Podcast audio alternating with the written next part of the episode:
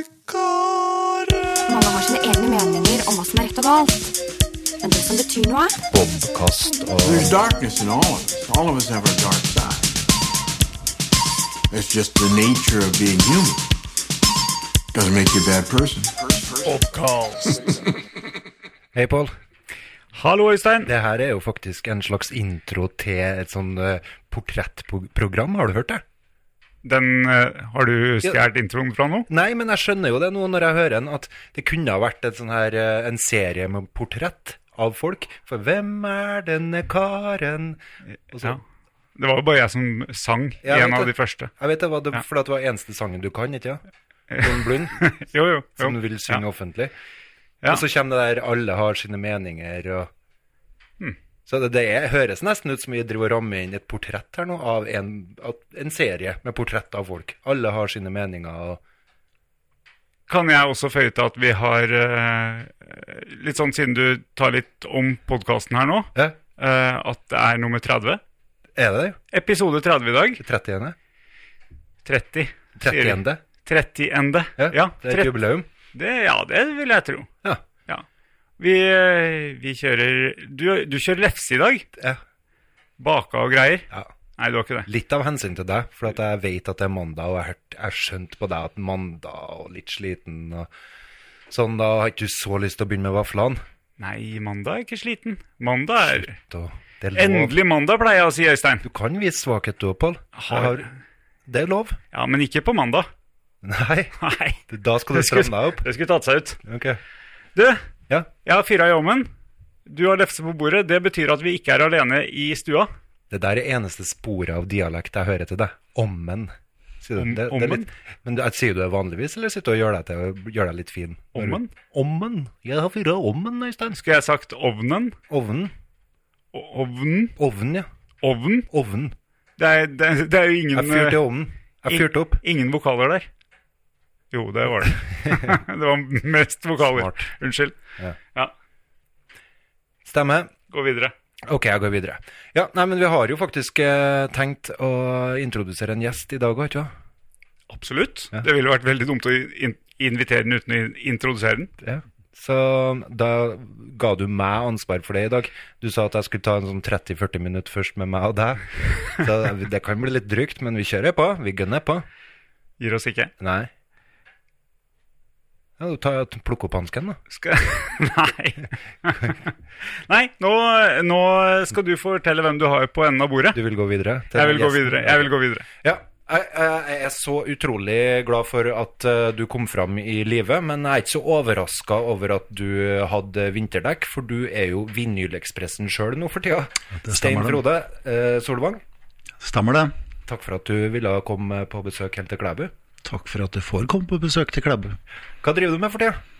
Du jeg driver på med litt forskjellige ting, men jeg driver jo og rektorerer, da, som det heter. Jeg er jo rektor på en skole som heter Singsaker skole. Ja. Og så har jeg et stort sideprosjekt om dagen der jeg driver og gir ut et album.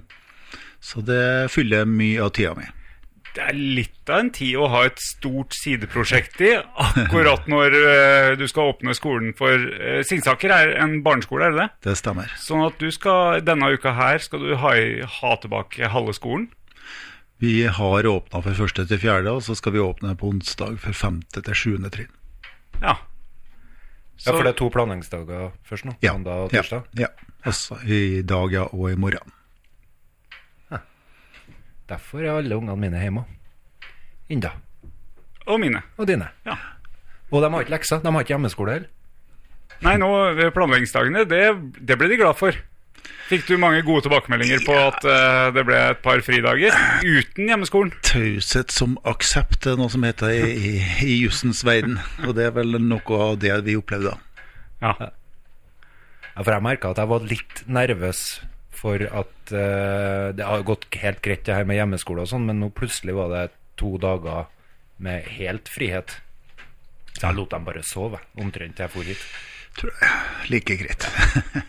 Spesielt når vi ser hvordan det er ute i dag, så det er kanskje like greit å bare få lov til å Ja, vin- sove litt. Vinteren har kommet til Trøndelag. Ja. Sinnssykt. Det var på tide. Det er så artig.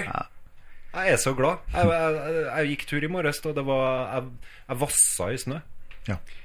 Vi pleier ikke å tidfeste opptaket så veldig med dato, men jeg har lyst til å si 11. i dag. 11. mai. 11. mai. Snart, Nå er langtidsvarselet viser 17. mai-vær og alt mulig, og det ser ut som det skal bli godt skiføre hele uka. Fantastisk. Hva er grunnen til at vi ikke tidfester? Unnskyld at jeg avbrøt. eh, Hvorfor gjør ikke vi det? Ja, hvorfor gjør Nei, podkast Altså Nei. Hvorfor gjør vi ikke det? Hvorfor slutta vi med det? Vi begynte med det. Ja. Vi sa i dag er det Nei, jeg tror jeg vet det. Jeg tror, jeg vet det. Jeg tror det er fordi at eh, jeg var så utrolig treg med å få miksa og lagt det ut, at den føltes avleggs med en gang den, når den endelig kom ut. Ja. Og så, og så har vi jo Vi har jo sagt tydelig til lytterne våre at uh, du begynner på Ja. episode 1, Ja. og så hører du utover. Du begynner ikke på episode 30. Så har du lyst til å høre gjesten her, Ja. eh, så har du en 48 mellom 48 og 55 timer foran deg før du kommer hit. Går ikke an å bare komme hit Nei. ja, og eh, sette på Komme her rekende. og høre- Nei, og høre intervju med deg, Stenfrode. Det går ikke. Intervjuet er for, for så vidt ikke helt, det presiserer jeg i. Det er en podkast. Så jeg har tenkt å snakke mye. Så hvis folk blir irritert over at eh, ja, La han snakke, da. La han snakke, da. Ja, nei. Jeg vil snakke, jeg òg. Sånn er det. Det Sånn er er liksom eh, Ja. Nei, men eh, vi hadde en interessant eh, sak i dag på Singsaker. At vi faktisk eh, Vi har kjørt en del uteskole nå når det har vært eh, alternativt. Og da var det De har rett og slett planlagt for at de skulle ut og ake i dag. Så det, det, det er vel første gangen i historien at de har planlagt det så langt ut i mai, da. Men det gjorde de. De var, det var virkelig snø i byen, altså? Ja ja. Det var akeføre. Herlig. Ja, Oppå på Singsaker der, så er det Så er det ikke så verst. Men uteområdet på Singsaker, da er det kanskje dere kan bruke Ja da. festningen-området? Ja da. Og så har du noe som heter Duedalen, og så har du noe som heter Dødensdal, som ligger rett oppafor mot NTNU. Ja, stemmer. Mm. så det er en del eh, fine uteområder, det er det. På, Death Valley. på uh, Singsaker skole har jeg vært en del ettermiddager mens Eller rett etter jeg flytta til Trondheim. Sånn uh, 2004-2005, tenker jeg det var. Men da spilte jeg bordhockey. Ah. For da, Jeg vet ikke om de spiller bordhockey der fremdeles. Det var en entusiast av en far som uh, var veldig drivende for noen år siden. Ja. Uh, og da var det første årene jeg var der, jeg kom dit i 2010. Så jeg har vært i ni år, da. Uh, Inne med tiende år. Og da var det ofte at vi fikk spørsmål om, spørsmål om å, å leie ut, eller låne ut, til noe mesterskap i bordhockey. Da. Så da var det ganske aktivt. Men senere årene så har det vært litt tynnere, altså. Ja, ja det, det var jo ikke veldig mange som drev med det, men eh, det var du om dem der eh, med sånn lange stenger? nå, skal, nå skal du være forsiktig med hvordan du omtaler det, Øystein. Det er dem der du skyver på sånne Det er, hockeyspillere? ja, det er seriøst, ja. Stiga, Ja, Stiga. Stiga ishockeyspill, som eh, de pleier å si, de som Kjempeartig. Det er jo et, det er jo et, det er jo et spill for folk med skills, faktisk, det her. Altså, Ja. Jeg har jo, jeg har jo min fortid, jeg òg. Jeg er sikker på at du har et på loftet, du. Du, jeg har et ikke på Jeg har det nok på hjemme på Terråk, ja. Da har jeg et spill. Altså i Bindalen, da. I Bindalen. Ja. Så der, der har jeg hockeyspill. Jeg var best på Terråk i hockey. Bordhockey. Er det en plass som heter Terrok? Terråk, ja. Eh, I Bindalen. I Bindalen. jo ikke Bindalen. Jeg avslører alltid hvor utrolig dårlig jeg er i geografi på de her podene, men eh, Bindalen, er det Trøndelag, eller? Bindalen er klart akkurat å holde seg utafor Trøndelag. da. Det var jo et forslag om at Bindal skulle inkluderes i den nye kommunen som da er Vikna, også Nærøy, Vikna, eh, Lekka og Bindal skulle bli en kommune. Men så ble det bare eh, Nærøy og Vikna, da. Og det er altså Kolverøy og Rørvik for dem som er kjent opp i områdene der, da. Ja, ja, ja. Jeg kjenner han som bor på Kolvereid. Han som bor på Kolverøy. Det er jo det er verdens, det er Norges minste by, men eh, flere enn én, da. Men ikke veldig mange. Og han ville ikke slå seg sammen med Bindal. Nei, det var store protester fra bindalingene. da. De, vil, de insisterer på å være nordlendinger. Ja. Det, det, det er noe dypt forankra i sjela der at det er nordlendinger man er, sjøl om Vi snakka en sånn Men, men er det hva, sammenlignet med noe i Klæ, eller i, ikke i Klæbu, men Trondheim, kanskje? Hvor, hvor stort sted er det du tenker på? Ja, vi kan ikke sammenligne det med, i hvert fall ikke med Trondheim. Eh, Nei, men sånn er det, en, det er ikke en kommune som heter Terråk? Nei, Så det, det- er det alt er- som er som Singsaker i Trondheim, da? ko kommunesenteret i Bindal kommune. Heter Terråk? Ja, det er et tettsted. Har du hørt om det, Pål?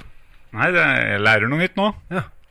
Det er jo ikke akkurat uh, storrykta, da, men uh, hvis vi går riktig langt tilbake i tid, når det skulle være uh, avstemning i 1814, så gikk, uh, så gikk posten, postruta fra Trondheim, gikk faktisk til Terråk. Og så gikk de med båt videre fra Terråk og nordover. Ah, så det var Så, transit? så ja, på en måte så var det det. Jeg ble litt overraska når jeg hørte det sjøl, men det er faktisk et, eh, et transittsted. For at det, det, det er jo umulig å bygge veier oppi der, for at det er jo fjell og, og sånn. Men, men eh, båtveien var veldig bra. Men uh, Terroks uh, mest uh, kjente person, da? Ja, det var det, da. Kjendisen fra Terrok? Nja, det Du kan, du, kan, eh, du kan velge blant de 300 siste åra, da. Nei, jeg tror ikke vi Vi, ikke, vi scorer ikke høyt på kjendislista, så det, det gjør vi nok ikke. Er det sånn at du tar den plassen sjøl, da, kanskje?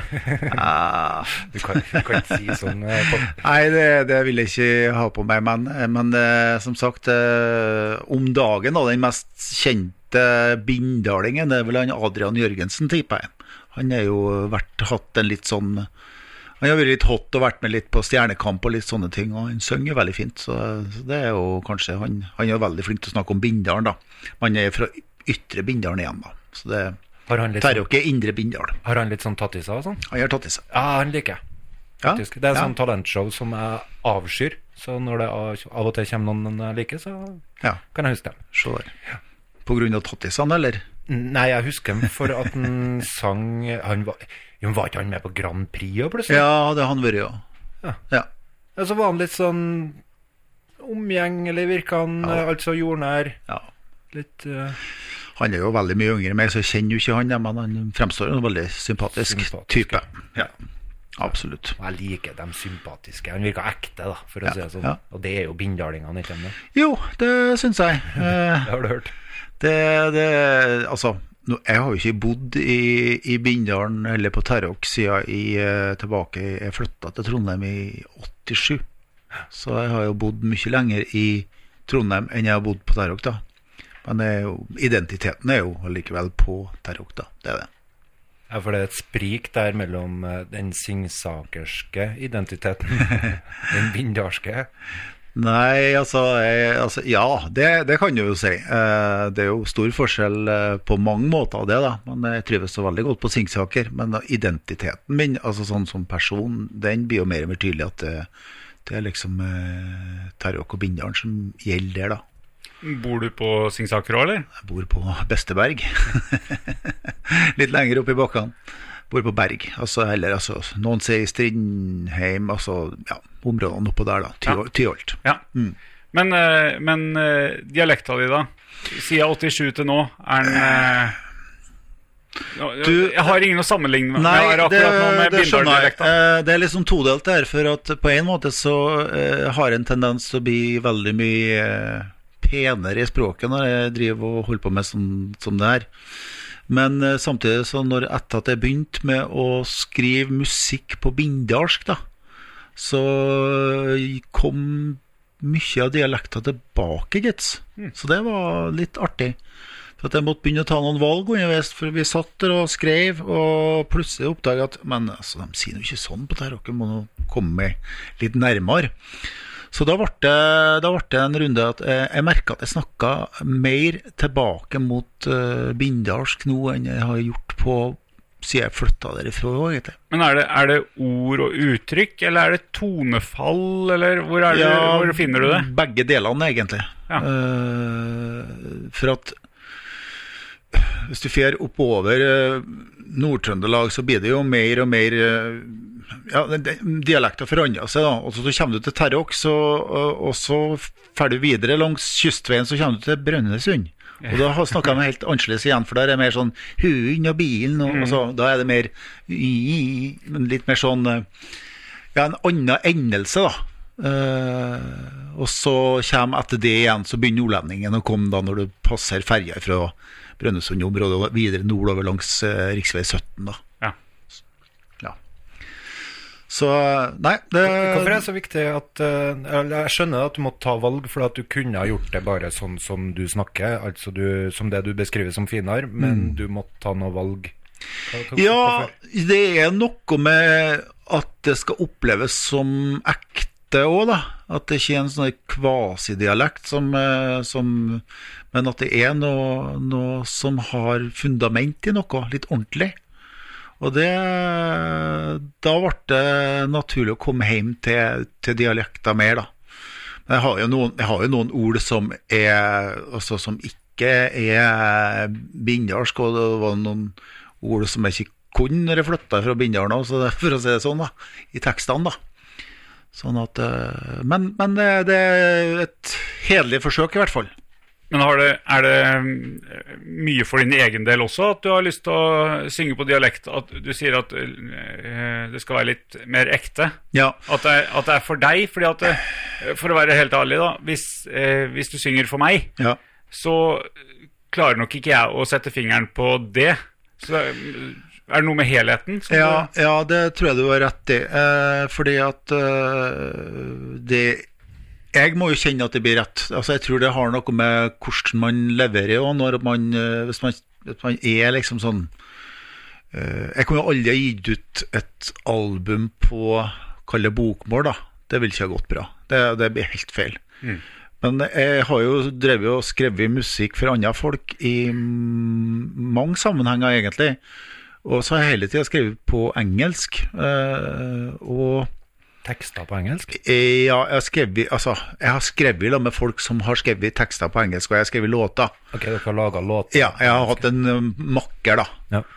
Uh, og her har jeg hatt flere makkere, men da har jeg på en måte ofte skrevet uh, låter og ikke lagt så mye i hva den teksten handler om. Nei. Men det har gjerne vært en, en såkalt hookline der, da. Ikke sant? Altså en tekstlinje i refrenget som du skal hook, hooke deg opp mot, som man sier i låtskrivingssammenheng. La det svinge, la det rock'n'roll. Ja, altså for eksempel eh, Mye lys og mye varme. Umbrella, Ella, Ella, E.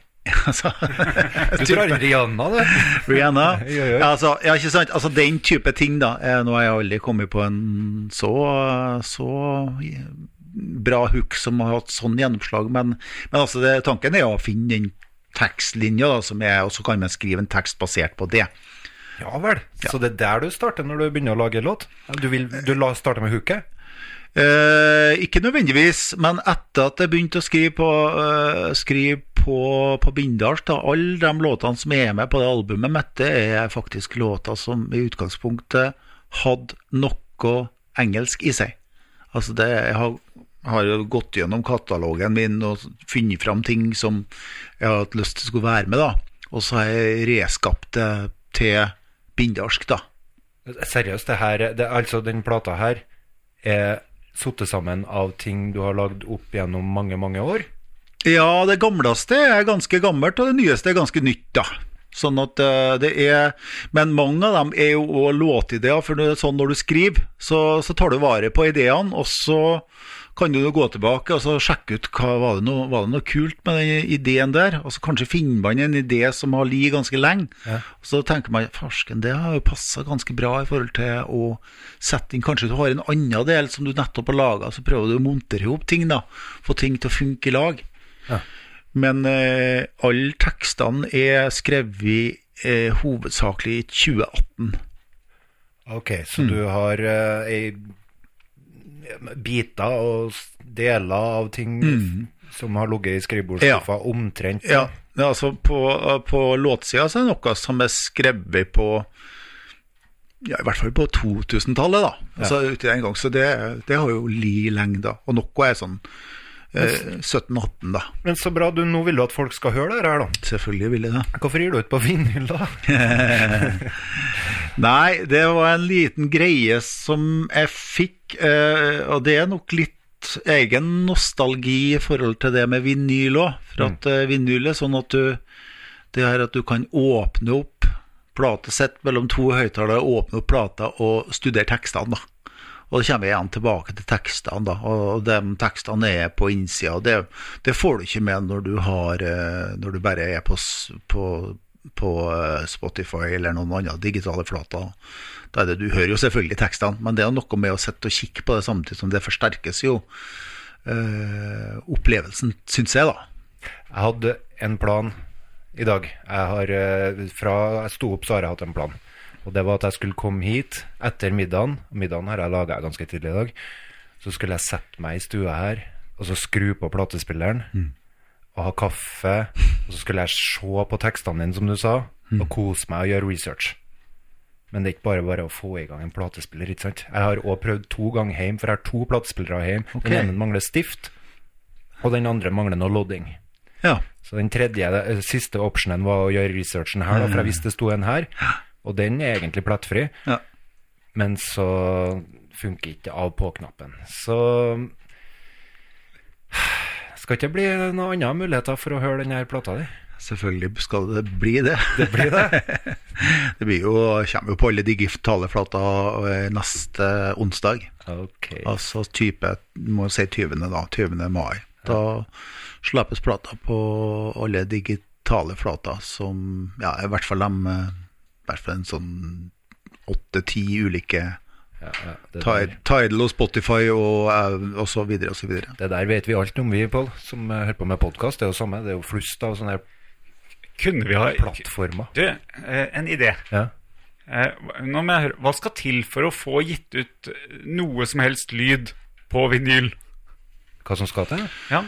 Altså, Eh, ja, nå, ja. nå, nå tenker jeg ganske praktisk og teknisk her. Sånn er jeg i huet. skjønner du. Øystein er kunstner, og, og han På å lage, hva du lager? Du lager sånn her eh, Hva kaller du det? De her dokumentene der du går fra begynnelse til slutt, og så skal du gå igjen. Du har laga det på podkast òg. Vi har det på den delte sida vår. Ja, sånn- Et dokument ja, sånn kjøreplan, bare? Kjører Nei, du har Det er ganske latterlig, Pål. Hvordan vi skal gjø- gjennomføre en podkast, så har du kalt et dokument et eller annet, og så har du skrevet ned for deg sjøl Oh, ja, ja, ja, nei, publiserings... Uh... Fra fil til publisering. ja. ja. 1, 2, 3, 12 steg. Last opp filer Ah. via FTP. Logg på ba, ba, ba, ba, ba. Ja. Så du vil ha oppskrifta på hvordan Du vil ha ut noe på vinyl? Kan vi Jeg er interessert. Det er jo sånn at det er ikke så veldig mange som driver på med trykking av det, vinyl. det vet du. Det er ett eh, trykkeri i Norge. Okay. De holder til i Egersund, og reklamen for dem er at de heter Coastal Town Records. Coastal, det- det- Town? Coastal Town Records, ja. Og de har eh, dem som er brukt her, da. Alternativet ville vært å tatt kontakt i Nederland eller i Polen, f.eks. Det som er der, da, det er at det er veldig lang ventetid. da. Det er På fire til seks måneder må man påberegne før den prosessen blir ferdig. Så det er voldsomt. Og her er det snakk om fire til seks uker, da. Så det er ganske stor forskjell, egentlig.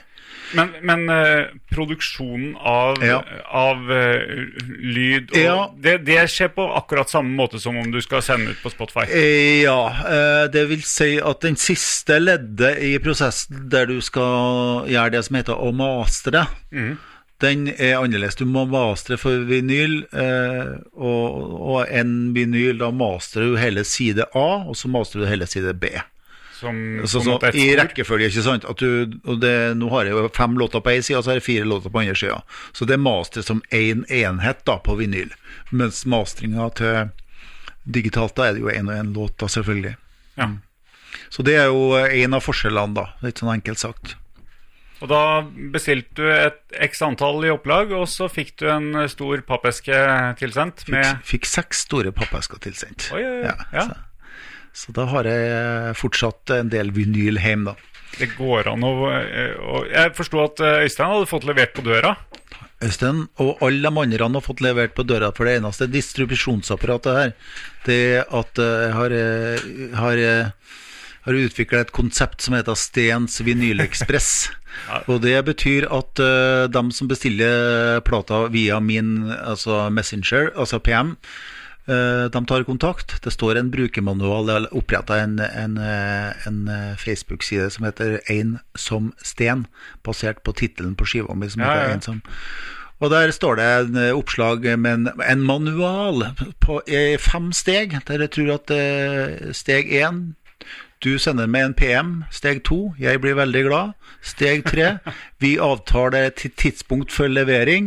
Steg fire, eh, jeg kommer på trappa di og leverer, og det blir sannsynligvis en hyggelig prat om noe som vi begge to er interessert i. Steg fem, vips.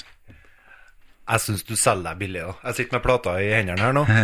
Eh, Det er jo et utsøkt cover. Jeg er ganske streng vanligvis, men eh, Og jeg er ikke vanligvis, jeg er det. Jeg er streng. Men den der likte jeg. Takk, Men den er tusen veldig, takk. Veldig deg, da. Det er stort bilde av deg, det er stort bilde av deg i midten, det er dine tekster, det er din dialekt, og det er stort bilde av deg bak. For å si det sånn, da, ja, kanskje i overkant mye bilder av eh, meg. Jeg skal være med på den. eh, Nei, jeg syns ikke. Nei, Jeg ok. syns den er kul. Ja, Jeg likte det. Ja, så bra.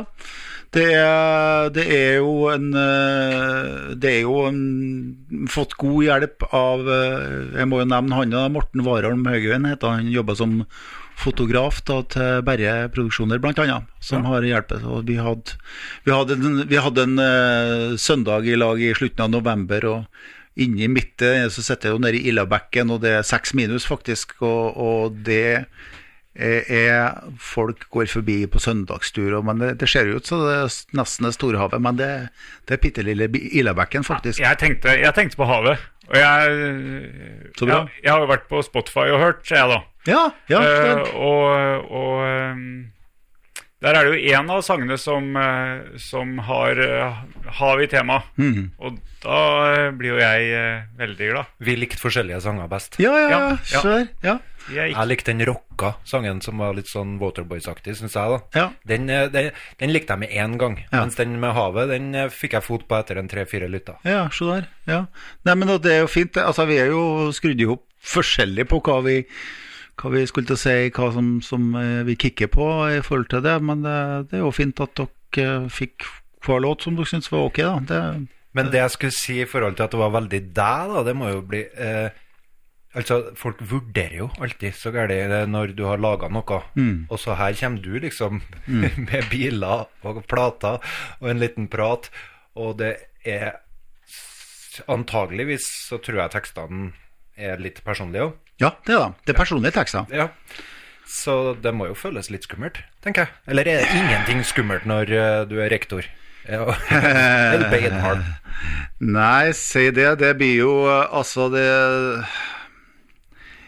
skulle til å si, når jeg nå først hadde spilt eh, tekstene for, eh, for kona mi, så var nå det Så var nå det eh, egentlig på mange måter et største steg, det at hun fikk høre på det og kjente Det må ikke gjøre, nei. Jeg leste en gang teksten for uh, samboeren min. Da, da la jeg ned all businessen min i fem måneder etterpå. Jeg har faktisk ikke skrevet etter det.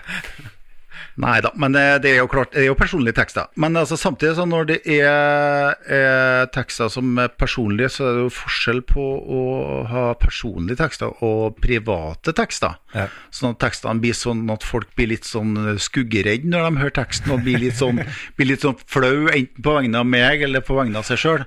Men den assosiative tingen er det, det er jo noe med det, da. Og jeg har ikke tenkt å Uh, jeg var en av tekstene jeg fikk noe melding på, og så, og så var det ei som responderte på hva hun syntes om teksten, og hva hun kjente igjen, og sånne type ting. Og så øh, presterte jeg å si nei, nei, denne teksten handler om sånn og sånn. Ja. Ah, og det kjente jeg på etterpå, og det var, det var dumt. Uh, og, eh, så det, og det har jeg sagt til henne at det, vet du, det, det angrer jeg på. For at, det, for at det, din, opplevelse er jo, eh, din opplevelse er jo det viktige her. da. Det er jo ikke Ja, vi har jo hatt en annen musiker på, som gjest her. I den eneste podden vi ikke har sluppet på. ja, for det er, det, det er nemlig det. Det er sånn det er når musikere er på besøk. Man slipper den. Det var midt i koronatida, Ja, ja. og jeg simpelthen elsker plata hans. Ja, En Hans Frønes. ja. eh, ja. Mm. som Hans Frønes og musikken. Og så skulle vi fortsette å podde, og så var det umulig å bruke den stua her. Og jeg og han måtte holde oss unna hverandre og alt. Så da Oi, vi kan gjøre På Skype kan vi gjøre alt. Så er ikke det samme på Skype, vet du. Nei. Nei. Så den gikk ikke eh, gjennom kvalitetskontrollen vår, så vi har liksom ikke fått til å sluppe den. Og i tillegg så er det litt vanskeligere her med Jeg kan ikke spille noen eh, eksempler fra plata di her, og så slippe podden, og tro at det skal gå greit. Nei, da blir vi banna av iTunes eller et eller annet. Ah, Da blir det, kommer det noen og krever penger av oss. Ja, ikke sant. Og det er ikke du, det er noen på vegne av deg. Eller. ja, akkurat. Men han også sa noe om det der med tekstene, husker jeg på da? Ja, vi, vi snakka om det da òg, og om, eh, om hva som var på en måte bakgrunnen for teksten, og hva, eh, hva vi assosierte med den. Eh, og jeg syns jo, jeg syns jo Det er ikke så ofte man hører musikere egentlig si utbrodere hva som ligger bak. Og jeg tror kanskje det er litt av det som du snakker om, at, at man prøver å gi den som lytter, en egen opplevelse. Men jeg syns jo det er ganske interessant noen ganger å få høre hva var det som hva var, det du, hva var det du tenkte på her? Ja, altså Utgangspunktet er jo bestandig interessant, men det, eh, det var bare jeg som tok meg sjøl i å nesten definere ut at nei, det var ikke det det handla om, den sangen her. Okay. Så, og det, det, det kjente jeg på en sånn angring på, da, at altså, For at hvis at det og det en person hører i teksten, så, så, så er det det, pers det som den personen ser, da. Når du har sluppet det, så har du på en måte ikke lenger Det er på en måte ikke lenger dit. Nei, det er jo, det er jo mitt, men det, du, du, man deler jo. Man deler jo med andre folk, og da må man jo eh, være åpen for det. Og det samme er når folk kommer nå og sier at jeg får assosiasjoner til ja, Du sa Waterboys, og noen fikk assosiasjoner til Anne Grete Preus på den låten som du refererer til, og litt forskjellige typer ting. Så, Ja, ja, så er det jo den assosiasjonen folk får, da. Og da er det ikke Da er jo det rett for den personen. Det kan ikke være sånn at eh, Nei, nei, nei. Kan det ikke? For du, det kan jo være noen assosiasjoner som nesten blir litt sånn fornærmende. Nei, jeg har ikke fått noen så langt, altså. Ikke? Nei. Det har jeg ikke gjort. Jeg har fått bare fine assosiasjoner. Noen kan jo tenke liksom at, at det kommer ut helt feil. Kanskje dette her kan virke som en sånn reklamepod for deg. Altså at vi, det, Nå slipper vi jo i den poden her, Pål. Ja. Og det kan virke som om vi nå egentlig driver bare og lager en reklame for en Sten Frode. Nei, Skal vi godta det, liksom? Ja, Det hørtes ut som en reklame, hele poden. Men det er jo ikke det. er nei, det? her er en samtale om uh, plate og musikk. Og litt rektor. Og litt rektorering. Ja. Jeg, jeg ville nesten blitt provosert jeg, hvis noen kom og sa at dette her var en reklame. Øystein, stikker du til noen? Nei, men nei, absolutt ikke. Men vi lar den ligge, så går vi videre. Det var en, Jeg måtte få det ut. Det var en intern. Veldig intern. Ja, ok. det går an på podkast. Nei, du, eh, jeg lurer på på eh, Singsaker. Eh, Jepp. Er du Har du en identitet kun som rektor der, eller har du også som eh, musiker? Er du kjent som rektor, musiker? Ja. Eh, altså, no, no, det er jo mange av eh, kidsa som er opptatt av at jeg slipper album, det er det. Ja, det har de fått med Ja, seg. ja.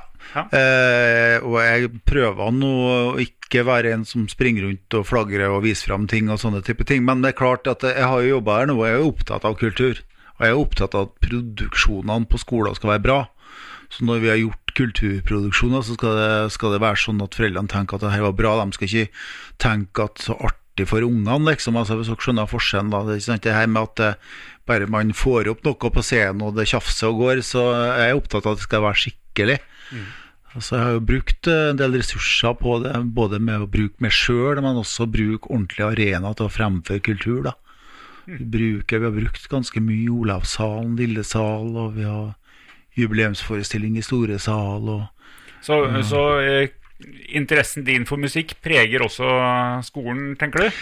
Ja, altså det er jo klart at eh, jeg er opptatt av at eh, gjør vi samlingsstund og gjør vi sånne type ting, så skal det være kvalitet. Eller hvis ikke, så eh, Det var en skoleforsker som hadde forska på det her med estetiske fag, og virkninger estetiske fag har på eh, andre fag igjen. Det er en australsk skoleforsker som heter Anne Bamford, som skrev en bok som heter The Wow Factor for noen år siden. Og da er jo konklusjonen hennes er jo at eh, altså, dårlig musikkundervisning er verre enn ingen musikkundervisning. Så if you do it bad, don't do it at all, sier hun. Og det er faktisk en, en greie her, altså. Det er derfor jeg holder meg unna å utøve min profesjon, Pål. Ja, er jeg kjenner rapportene, jeg har kunnskapen. Du har eh, vært borti meta-undersøkelsen. er er Wow-faktor, ja. Jeg har hørt om den. Så derfor, ja, det, det, det, er ganske, det er faktisk eh, ganske anerkjent og, og kjent uh, forsknings... eh, Jeg har, jo- nå har jeg veldig lyst til å sparke etter barneskolen min. Er jo, eh, og, og min, Jeg legger inn litt i ovnen her. Ja, gjør- gjør jeg begynte faktisk å svette bare du sa det der. For jeg nemlig, etter vi eh, møttes sist, så har jeg blitt musikklærer. Å ja, du har det, ja. Ja, ja. Slått til med det. Jeg legger inn i ovnen. Så eh, Ja, nei, det var eh, For jeg har jo, jeg har jo eh, tatt i en gitar flere ganger i livet. Opptil flere ganger. Ja, ja. Og, og med, med intensjon om å få det til. Eh, men har altså uh, Og kan en god del grep. Men det er helt umulig å få, å få det her til å henge sammen, annet enn hvis jeg ser slavisk på arket der det står eh, hva jeg skal spille. Mm. Uh, får ikke til i det hele tatt. Så det Du har prøvd å lære deg å spille gitar, du? jeg, jeg, jeg kan mange Jeg kan faktisk mange, eh, mange grep. Pleier du å spille når det er samlingsstund på barnehagen og sånn? Eh, blues. Du gjør det? Ja, og lager en tekst Nei, jeg pleier ikke. Det vil, det vil medarbeiderne mine være uenig i akkurat nå, i hvert fall. Ja, nå har du jo folk til å gjøre sånn. Eh, Men når du jobber på gulvet, så ja, kan gjør det. jo, det hendte ganske ofte at jeg, at jeg tok en tolvtakters blues, ja, for det kan jeg få til. En rektor er rektor sjøl på scenen. og Uh, ja, altså det, det kommer litt an på setting, da. Det kommer litt an på settinga, det gjør det. Uh, uh, hvis at når ja, Vi har én samling som vi tar ansvaret for, vi som er i administrasjon, og da er, da er jo, det er jo derfor jeg har en rolle. Så, så, jeg, så jeg, jeg spiller jo en del gitar i samlingsstunder òg, det gjør jeg, altså. Men eh, det kommer an på om uh, uh, Hvis de ber om hjelp, så kan jeg godt være med i kulissene nå, og være litt sånn um, professional background music, musikkmann. Jeg klarte ikke annet enn å se for meg at du fikk kvalitet i form av spotlight og applaus på boks og inn med skinnjakka og Ja, full, altså fullt band. de to eh, gangene på avslutningsforestillinga til 7. trinn der jeg har blitt uh, vært med i parodien, så har jeg hatt uh, Har det vært med gitar og med, med litt uh, Med litt sånn type headbanging, ja. Ok, høy rockefaktor. Ja, litt sånn Det eneste rektor gjør, han kom Jeg bare stakk om for å vise noen kule bassgitartriks og litt sånne ting, da. Så det var prisverdige parodier. Ja. Er det artig å jobbe som rektor, forresten? ja, det er artig. Eh, og så hender det ikke fullt så artig. Sånn er det. For det høres gørrende kjedelig ut. Akkurat som jobben til en Pål. Han jobber i barnehage, han unngår alt det som er artig med å jobbe i barnehage, og leke seg og være ute på tur og alt det der, og må så bare sitte og gjøre papirarbeid. Og ta imot klager fra foreldre.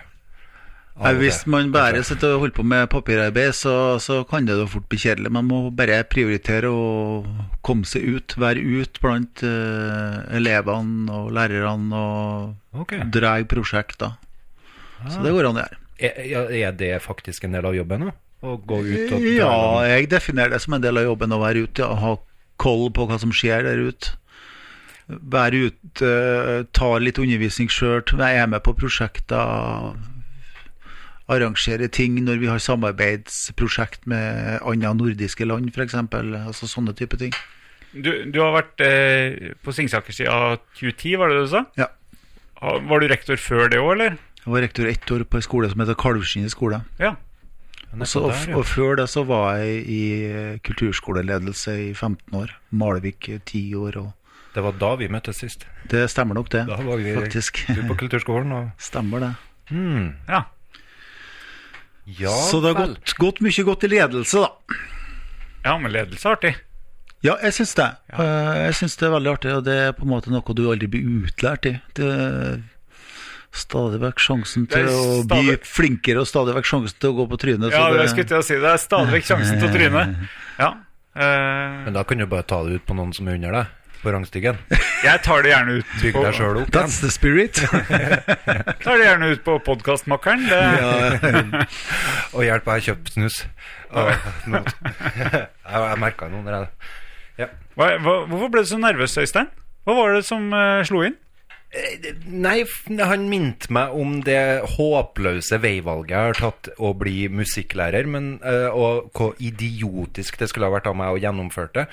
Uh, Så, men, for eh, at han har helt rett, og jeg er så veldig enig. men uh, du skjønner at Altså et musikklærer Utøvelse av det dårlige er faktisk verre enn ingen musikk. Og det var den som Det kom og tok til. Ja, jeg bare oppdaterer deg på at Vi hadde nemlig forrige podkast handla ganske mye om Øystein. Og, og, og litt sånn karrierevalg. Øystein eh, Full Øystein-promo. Ja, det var det. Ehm, og da, da fikk jeg ikke oppsummert dette her med musikklærerbiten. Jeg hadde, Med hadde, hadde med mye annet av det. Kan du ikke dra en Har du utøvd uh, dette her òg? Har du satt spor i noe barn? Eh, nei, ikke annet enn praksis på For at de Oi, oi, oi. Praksis, ja. ja da var løpet kjørt. Slapp de deg til? Ja, de gjorde det. Utrolig nok. De måtte jo, for at skolene samarbeider jo med PPPPU. Pedagogisk praktisk Hvor, utdanning. hvor mange P-er sa du det var? Det er Han prøver å få inn masse P for pedagogikk. Der du blir sånn liksom-lærer, sånn som meg. Uh, og uh, jeg var Jeg måtte gå den veien, fordi at jeg har jo en master i musikkteknologi. Og så ble jeg så glad for et lite øyeblikk der, eller noen år, så var det mulig da å søke på musikklærerutdanning. Jeg var jo aldri interessert i å bli musikklærer, for jeg var jo så øh, klar over mine egne begrensninger at i musikkundervisning så skal du drive med musikk, og siden jeg ikke utøver noe instrument, i hvert fall ikke på noe slags vis at jeg kan gjøre det foran en klasse og prøve å inspirere dem. Jeg kan gjøre teknologiske ting. Jeg kan laptoper og alt det der. Det, det kan jeg fikse. Men jeg mener at det skal vibrere i lydbølgene da, i et musikkrom. Eh, på et eller annet vis. Det er et veldig vanskelig fag å undervise. Jeg har jo hatt innimellom tatt eh, en sesong eh, her og der og undervist i musikk, da. Så det var plutselig så mangla vi en musikklærer på sjette trinn for en par år siden, så tok jeg den. Eh, og det er, det er vanskelig. Du skal tåle å stå, i hvert fall hvis du ønsker å holde på med mye praktiske ting. Da. Hvis du ønsker at det skal musiseres, så skal du tåle mye dårlig lyd før det begynner å bli bra lyd. Når du har eh, 16-18-20 unger som skal ja, sysselsettes på en vettug måte, da. Og da har du kanskje rigga til at du har seks på gitar, og du har eh, fem på ukulele, og så har du to på keyboard, og så har du noen sanger, og så har du noen som skal spille noe perkusjon, noen trommer, og sånne type ting. Og, og før du kommer dit at det begynner å lete eh, ok, så er det mye som ikke leter ok før du kommer dit. Og da er det en tålmodighet å stå i. Altså, skal, man skal vite hva man holder på med. Jeg gikk jo ikke den ruta der i hele tatt. Eh, Jeg gikk den eh, lydlandskapsruta. Ja. Altså bli, bli mer bevisst på omgivelsene dine, i form av lydomgivelsene dine. Ja. Så jeg sendte dem ut med opptakere og, Ja. og notere, og bevisstgjøring av lyd. For lyd er greia mi, ikke musikk. Og det tenker jeg er helt fint, det, å gjøre noe prosjekt på det en sju-åtte uker. Men hele året, og år ut og år inn, å være den musikklæreren som Å nei, det, det syns ikke jeg. Det syns jeg er etisk feil. Som jeg, det er uting. Umoral, om jeg skulle ha vært i skole. Jeg, jeg fikk, eh, nå, nå var jeg inne på barneskole i stad. Nå fikk jeg ungdomsskoleassosiasjon også. Jeg fikk M i musikk, faktisk. På ungdomsskolen. Og det tror jeg var ene og alene fordi jeg teama opp med en som eh, En som kunne lage en blues, eh, og så kompa jeg sammen med han på gitar. Så det var sikkert ikke det. Det var bluesen din igjen som kom Ja, til bluesen, den, eh, ja, ja, så den hadde har redda meg mange ganger i livet. Ja, ne, du teama opp med noen, ja. Jeg kom plutselig på at jeg hadde jo òg en praksis med eldre elever. Og da følte jeg egentlig bare et prosjekt til en, eh, en fantastisk eh, har jeg, Kan jeg si han, hvem som var mentoren min i praksis? På, Ja, det synes jeg absolutt. Jostein Smeby på Flatåsen. Ja. Utrolig fyr. Veldig inspirerende kar. Som også spilte i det ganske kule rockebandet Afghan Wigs. Nei, er det ikke Afghan Wigs, sa jeg det? Du sa det. Nei, nei, de heter ikke Han, han grep etter iPhone. det det han mente? Å, gud hjelp. Afghan Wigs, det vet du eh, Hva heter de, da? Et trønderband, Afghan Wigs. Jeg må nesten sjekke. Uh, yeah. Du har jo Å nei. Om han var hopper òg? jo, han var hopper! Ja. Så klart vi gikk godt sammen, da, for jeg elsker jo skihopp. Og så jeg lurer på om han har ei fru som drev på med hopping òg? Stemmer det. Han eh, Ja. Nå, ja. Hva heter hun, det? Hun heter Smeby. Hun altså, ikke så rent unaturlig valg av etternavn hvis man først har gifta seg, men Nå må jeg finne ut hva det bandet het. Jeg ser du taster ja. Ja, ja. febrilsk på telefonen. Ja, eh, han ga ut eh, vinyl og hadde eh, opplegg, da, så Ja. jeg kunne drive det her prosjektet med at elevene skulle spille inn låt. ja. Og det var ikke noe problem for meg. Helt til de begynte å lure på hvordan de skulle få det til å spille inn bedre. Mm. Musisere bedre. Ok.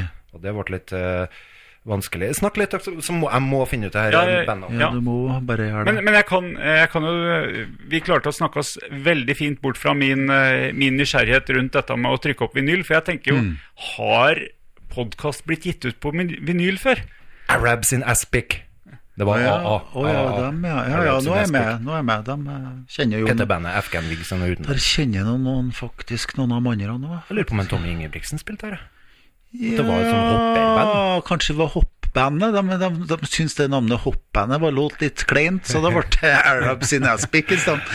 Jo, og så har de ganske fin eh, Jo, de hadde fin progrock, de. Ja. Og progrock er jo jeg i utgangspunktet svært negativ til. Det består jo av flinke folk, så, altså folk som får meg til å føle meg enda mer mindreverdig. Så ja. Men uh, fin fyr. Veldig bra praksis. Og, men nok en gang eh, tenkte jeg at eh, jeg er begrensa der. Hvor- Hvordan, eh, hvordan er eh, Jeg skal prøve å lage en link mellom dere. Eh, hvordan er eh, nasjonsfordelinga, eh, bakgrunn, på Singsaker skole? Det er vel kanskje Kanskje andre steder i Trondheim hvor det er flere nasjoner? Eller? Eh, Ja, du tenker på hvor mange eh, det vi eh, gjerne omtaler som minoritetsspråklige elever. Er det du tenker på? Ja, ja. Kjenner du til konnotasjonene til Singsaker, som vi har her i Trøndelag? Pål? Ja, ja. Altså ekstra det vi Tror- legger til Singsaker? Jeg tror at eh, det faktisk er For fordommene mine sier kritthvitt. Like hvitt som snøen ut her. Ja, det er feil. Bra.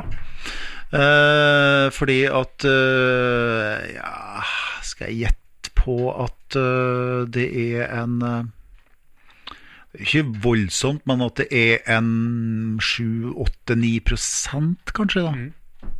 Ja, nei, for, for uh, musikk er jo ofte noe som, uh, noe som kan få folk til å komme sammen. Oi, ja, den var fin. Og, og Øystein, Øystein har jo drevet med undervisning av uh, nye klæbygg, Ja. altså flyktninger. Ja. Jeg vet ikke hvor mye musikk det var der, men, men er, det, er det noe link der på skolen? Bruker dere noe musikk eh? Dere er kanskje ikke mottaksskole, så de har kanskje vært innom noen Nei, vi, altså, vi, er, vi er ikke mottaksskole, det er vi ikke. Uh, og så er nok òg litt sånn tendensen, hvis jeg skal si noe om det i forhold til Singsaker, at uh, vi ser at det blir færre uh, minoritetsspråklige når de begynner å komme litt opp i klassene. Og det kan nok ha noe med at når familie med, fra minoritetsspråklig da skal etablere seg, så er, så er det nok ikke til å komme bort ifra at eh, det er ganske dyrt å kjøpe i skolekretsen. Mm. Eh, sånn at det Så da blir kanskje andre bydeler som blir preferansene da, for å få en eh, kvadratmeterpris som er Det er noen flotte hus oppe på Singsaker. Det er liksom ekstra Det, det er jo, mm, hvis man kikker hvis de, for dem som, som har vært i området, sånn type Øvre allé og sånn, så er det jo Det er jo, det er jo, det er jo snasens strøk, da. Det skal ikke det Singsakers, Tidemann og gudeskap, og det, det, det er alvor, altså. Singsakers mest kjente person er vel det fortsatt kanskje Flettfrid Andresen.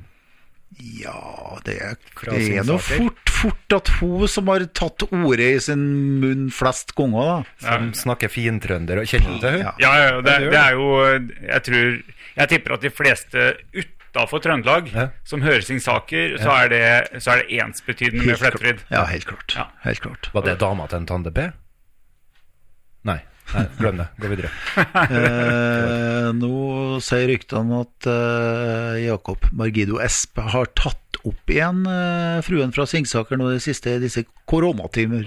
Sier du det? Ja da, så det så, Ja, det er best. Hun hun er visst eh, våknet opp igjen, ja. Ja, Ja. det syns jeg er bra. Ja. Sikkert kjedelig på hjemmekontor når du er skuespiller. Det er, det er liksom eh, Flettfrid er en sånn, er en sånn eh, skikkelse fra barndommen. Eh, litt sånn som Raimond i Fredrikstad. Uff, ja. ja eh, hvil, uff, ja. hvil i fred. Stutum. Nei, jeg bare syntes Jeg huska at han ble Ikke skutt, men han er død. Ikke, noe? Jo, det, det er riktig. ikke så veldig lenge siden. Men det er, men det er noen sånne Det er noen sånne Også Oluf. Altså, du har noen sånne rundt om i landet. Du får, ja. får du Oluf, sånne lenger? F- Får man sånne Ja. personer lenger? Som, fordi at uh, alle disse her fikk jo masse tid på NRK, Ja. uh, og liksom tok plass. Ja. Men det er, ikke, det er ikke så lett å få én person sånn kulturbang. Nei, Stereotyp. nei, det skjer jo på Instagram da, og Facebook. Og du har jo han der Herman Flesvig, som er veldig populær. Ja, men han har masse figurer. Ja, det er masse Det er liksom ikke, ikke én som de bare kjører og kjører. Du, Som baserer seg kanskje, på Kanskje det nærmeste jeg kommer på akkurat nå, er han eh, godeste Eller godeste og godeste Stoltenberg. Men han har også et galleri da av personer. Ja. Men, eh, men han vaktmesteren, han er vel eh, Ja, ja. Eller borettslags Står helt stille. Jo, han vaktmesteren. Narvestad. Narvestad, ja. Takk. Ja. Ja. Bare spør. Han er det. Men, men du, det, det som er vi er ganske gode på å komme videre, og så Eller ut på andre ting. Men det jeg skulle høre, Øystein, eh, det her med musikk, åssen var det på når du, når du hadde mange fra Eritrea og Syria? ja. Brukte dere musikk i det Ja, å komme ja. i kontakt? Eh, ja, jeg prøvde nå i hvert fall. Eh, det er jo en fin måte å få sluppet seg litt løs på. Det er rytmisk. Det er veldig mye lettere å lære språk eh, når du synger. Uttale er utmerket å lære uttaleundervisning. Mm. det skaper fellesskap hvis du synger i kor. Den følelsen av å synge i kor er Det er noe som må oppleves før du kan forstå det, tror jeg. Du har jo det prosjektet som både Trondheim, som oppsto først i Bergen, da, som eh, heter Fargespill. Fargespill, ja. Oi. Og Fargespill, eh, det var jo eh, en trommis i Bergen som hadde ideen til det først, som baserte seg på at ok, la oss nå ta tak i styrkene til dem som kommer hit, i stedet for å, å ta tak i alle svakhetene. Ja. Og, og det var jo bakgrunnen for det, og så spredde det seg til Jeg vet ikke om det har vært i, i Klæbu, men det har i hvert fall vært i Malvik, og det Trondheim tok det til seg. Ja, ja vi var med hele skolen dit og Ja. så på generalprøven. Ja. Fantastisk. Ja, det, det er et veldig fint prosjekt, og det bygger jo som sagt på det her med norsk uh, folkemusikktradisjon, gjerne opp og opp i forhold til ulike sanger fra de eh, kulturene til de folkene som da er med, da, om det nå er fra Eritrea, eller om det er fra Syria, eller om det er fra kur, eh, kurdere, eller hva det nå skal være, da. Så, så det, Det var bunad blanda med alle slags ja, forskjellige ja, det, det er ganske sånn eh, tradisjons... Ja. Mm. Men gjort på et uh, henrivende vis, vil jeg si. Jeg, jeg husker jeg satt og grein som en unge første gangen jeg var der, der og kikka det. Mm. I, praksis på kulturskolen. Nok en gang praksis. Ja.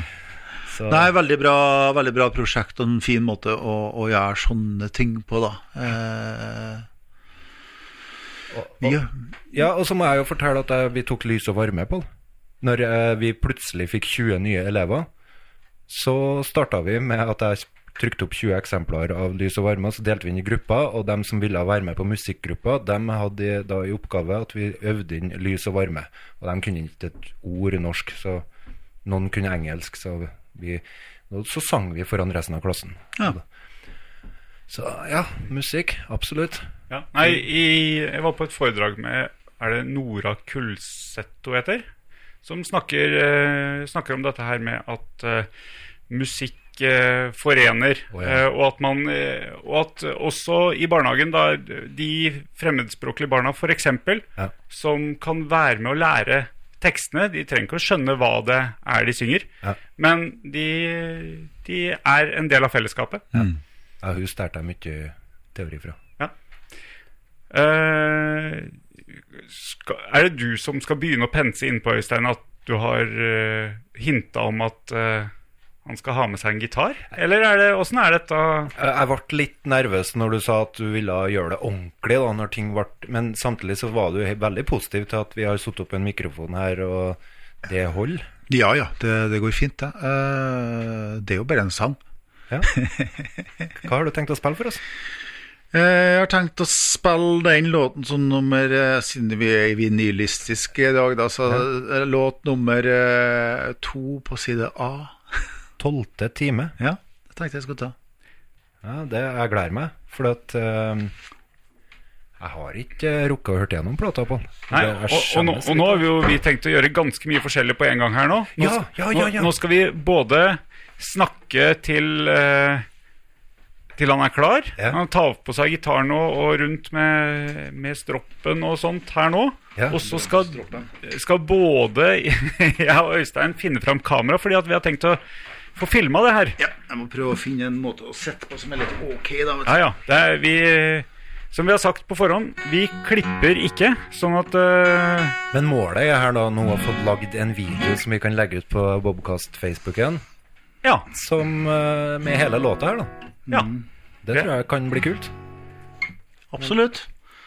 Bare si ifra når dere har lyst til at jeg skal begynne. Så nå har jeg tatt av meg headsetet, da, sånn at jeg Ja, du får eh, Vi må satse på at eh, vokallyden er passelig i forhold til gitar og Ja, sånn der. men du ser nå, den spiller nå dit, og den spiller oss, og jeg synger rett mot, så jeg tror at sangen blir høy, og, og gitaren skal høres, tror jeg.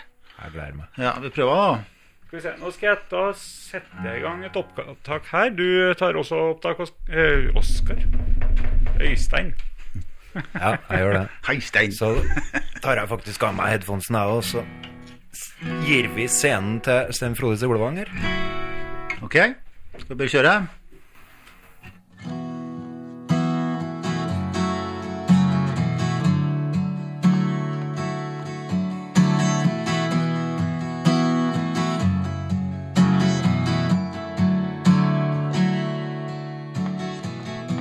Svøm i strømma som jeg kjemper imot. Finn tida, finn ro. Danse utafor en rytme er ikke fin. Leve utafor mitt sinn.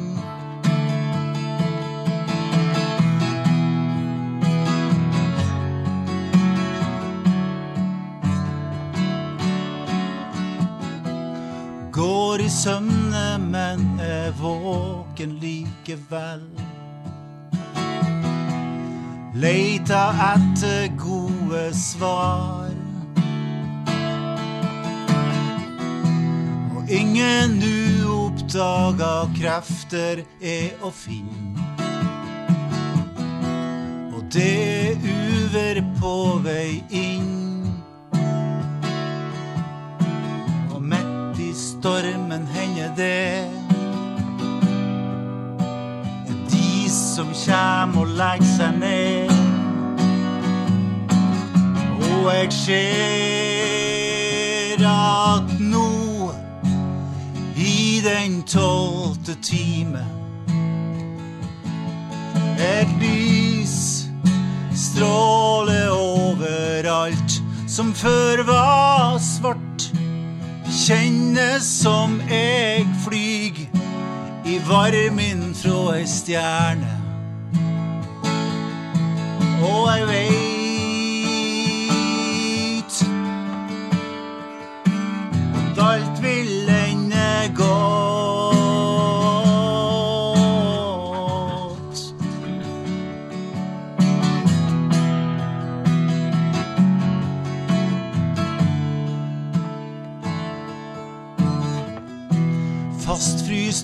vinter i ei kald og stille natt. Famle utafor min sti. Ingen mening eller retning er å finne. Og jeg står utafor, vil inn. Nordlyset kjem over meg. Og hemmelighetene viser seg. Og sier til meg at nå i den tolvte time et lys stråler overalt som før var svart. Kjennes som meg flyg i varmen fra ei stjerne. Og jeg veit at alt vil ende godt. Og alt vil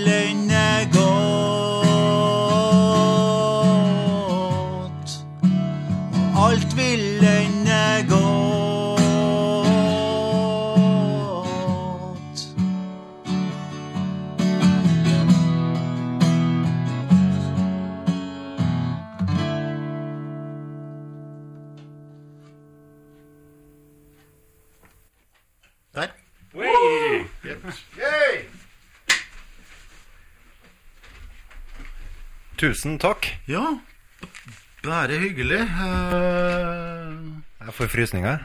Er så bra. Det er litt vanskelig å komme inn i det med sammen, vet du. Så spilles inn i et nytt rom og sånt, men eh, etter hvert som at eh, rommet kom inn til meg, så var det Hva, hva mener du med det? At, Nei, det, det er artig. Du skal venne deg til et nytt rom og en akustikk og sånt. da, vet du, sånn at det... ja, for rommet gir deg lyd tilbake? Ja, det gjør det jo. Og så er det noe med det her at du Jeg hører jo stemmen min for første gangen i det rommet her òg, da. Ja. Så, så det. ja. Det var kjempeartig. Ja, Det var, eh, og fint. Takk.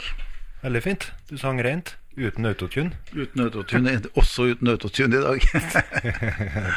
Sånt bruker ikke du. Den er ikke Eh, det er nok eh, sånn at i studio uansett så brukes autotune mer enn man kanskje skal tro. Men eh, eh, altså ja. Hvis det er sånn at det ikke er en uttrykk der, så kan du ha så mye autotune du vil, men det blir jo, det låter jo bare trist. Hvis du har eh, ikke noe godt uttrykk inn, så er det ikke noe vits å bearbeide. Og kan du bearbeide med hva som helst, men det blir ikke noe bra likevel. Nei, jeg tror ikke jeg skal legge på noe autotune her. Du bruker ikke det som en effekt, da. Det er jo veldig nei, populært Nei, det, det er veldig populært. Det er definitivt ikke sjangeren for å bruke autotune som effekt, nei. Det er så mye roboter som synger på radioen nå. Er Roboter? Bare, ja, jeg syns alt høres ut som roboter. De Ja. prøver å få det til å høres ut maskiner ut. Ja, det, det er jo en egen uh, liten sjanger der. Spiller du, spiller du live også, eller? eh? Ja, eh, det, er jo, det er jo det som jeg har gjort egentlig siden jeg begynte å spille, å spille ut, da. Så Når du sier du begynte å spille det, er det, Altså, det, nå det her, eller er det Nei, lenge, lenge nå tilbake? snakka vi tilbake til hva Jeg har jo spilt og stått på scene siden jeg var 15-16, liksom. Eh, og hadde no, noen år med karriere oppe i Bindalen som uh, for rundt i noe blandadansband. Da jeg var i Da var jeg 16, og da var jeg i et blandadansband. Og vi, jeg tror vi spilte hver helg. Da spilte jeg bass, og så sang jeg, da. Hva, Og, Også, hva, og tjente penger som gress, så å si. Og hva, og, hva er et blandadansband? Ja, det, da, da er det, det, er en, det er en snodig sjanger, da. Da er det litt trekkspill, og det er litt forskjellig, da. Ja. Ta, ta over hva man, hva man haver? Eh, Ja, altså Da går det litt i Da har man noen valser og gjerne en polka og en reinlender på repertoaret, og gjerne en, eh, en Kanskje en finsk tango, og så har man litt sånn popmusikk. En finsk tango. Ja, Det andre hadde jeg forventa, men en finsk tango, den var ny for meg. Finsk tango. Ja, Man må, må ikke forveksle med den argentinske tangoen, som er, som er faktisk veldig flott. da Sånn, Men det er ikke den finske tangoen? Nei, ram, bam, bam, bam, baram. Det er litt sånn, da. ikke sant? Ok. Det, det, men vi, det var litt, da var det blandadans. Da det var det lyriske navnet Grendagutan heter bandet. Det, men det, Der, ja. Ja. det bar seg veldig bra økonomisk, da. Og jeg fikk jo veldig mye spilleerfaring. Det sto jo på som sagt, det sto jo på et lokale og spilte hver helg, altså. Så det var, det var type bygdefest, eller? eh, Type bygdefest, ja. Bryllup, eller? Ja, bryllup. eh, Både slutta lag og, og mer åpne lag, skulle jeg si. Ja, ja, ja. Så, så da så, så jeg har jo spilt veldig mye. uh, mye ut, da. Uh, og uh, det var jo planen med det her, og det er jo fortsatt planen at jeg skal spille ut. Men så kom koronaen. Ja, altså, jeg ga ut singel nummer to på samme dag som Samfunnet Altså, Dro ut til havet kom samme dag, så det ble fullstendig lockdown. da, da 13. kom- mars, eller? 13. mars. Ja. 13. mars. Så ja, men, eh, men det er klart at eh, jeg skal gjøre én strømmekonsert, da. Det skal jeg gjøre. Uh, kan- Åpen? Offentlig? Uh, ja. Ja. ja, for det har virkelig blomstra, det markedet. Ja, eh, jeg har en idé om å gjøre en strømmekonsert der jeg fletter inn en del eh, anekdoter, språklige anekdoter. da. Og sier du det? Ja. Hva, Eh, hva mener du nå? Nei, da mener jeg at jeg har en par historier fra, fra tida oppe i Bindalen, og litt sånn betraktninger på det.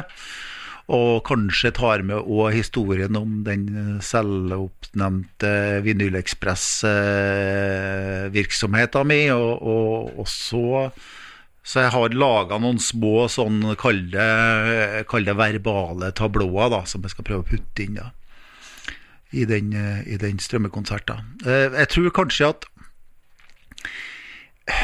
det er et vanskelig Det er, det er, ikke, det er ikke et enkelt konsept å holde på med, med strømming, for at du har jo, du har jo ikke den direkte kontakten med publikum. Du vet at de er der. Men eh, det eneste som kan kanskje være vanske, enda vanskeligere, det er folk som holder på med å spille teater, da, sånn komedieting.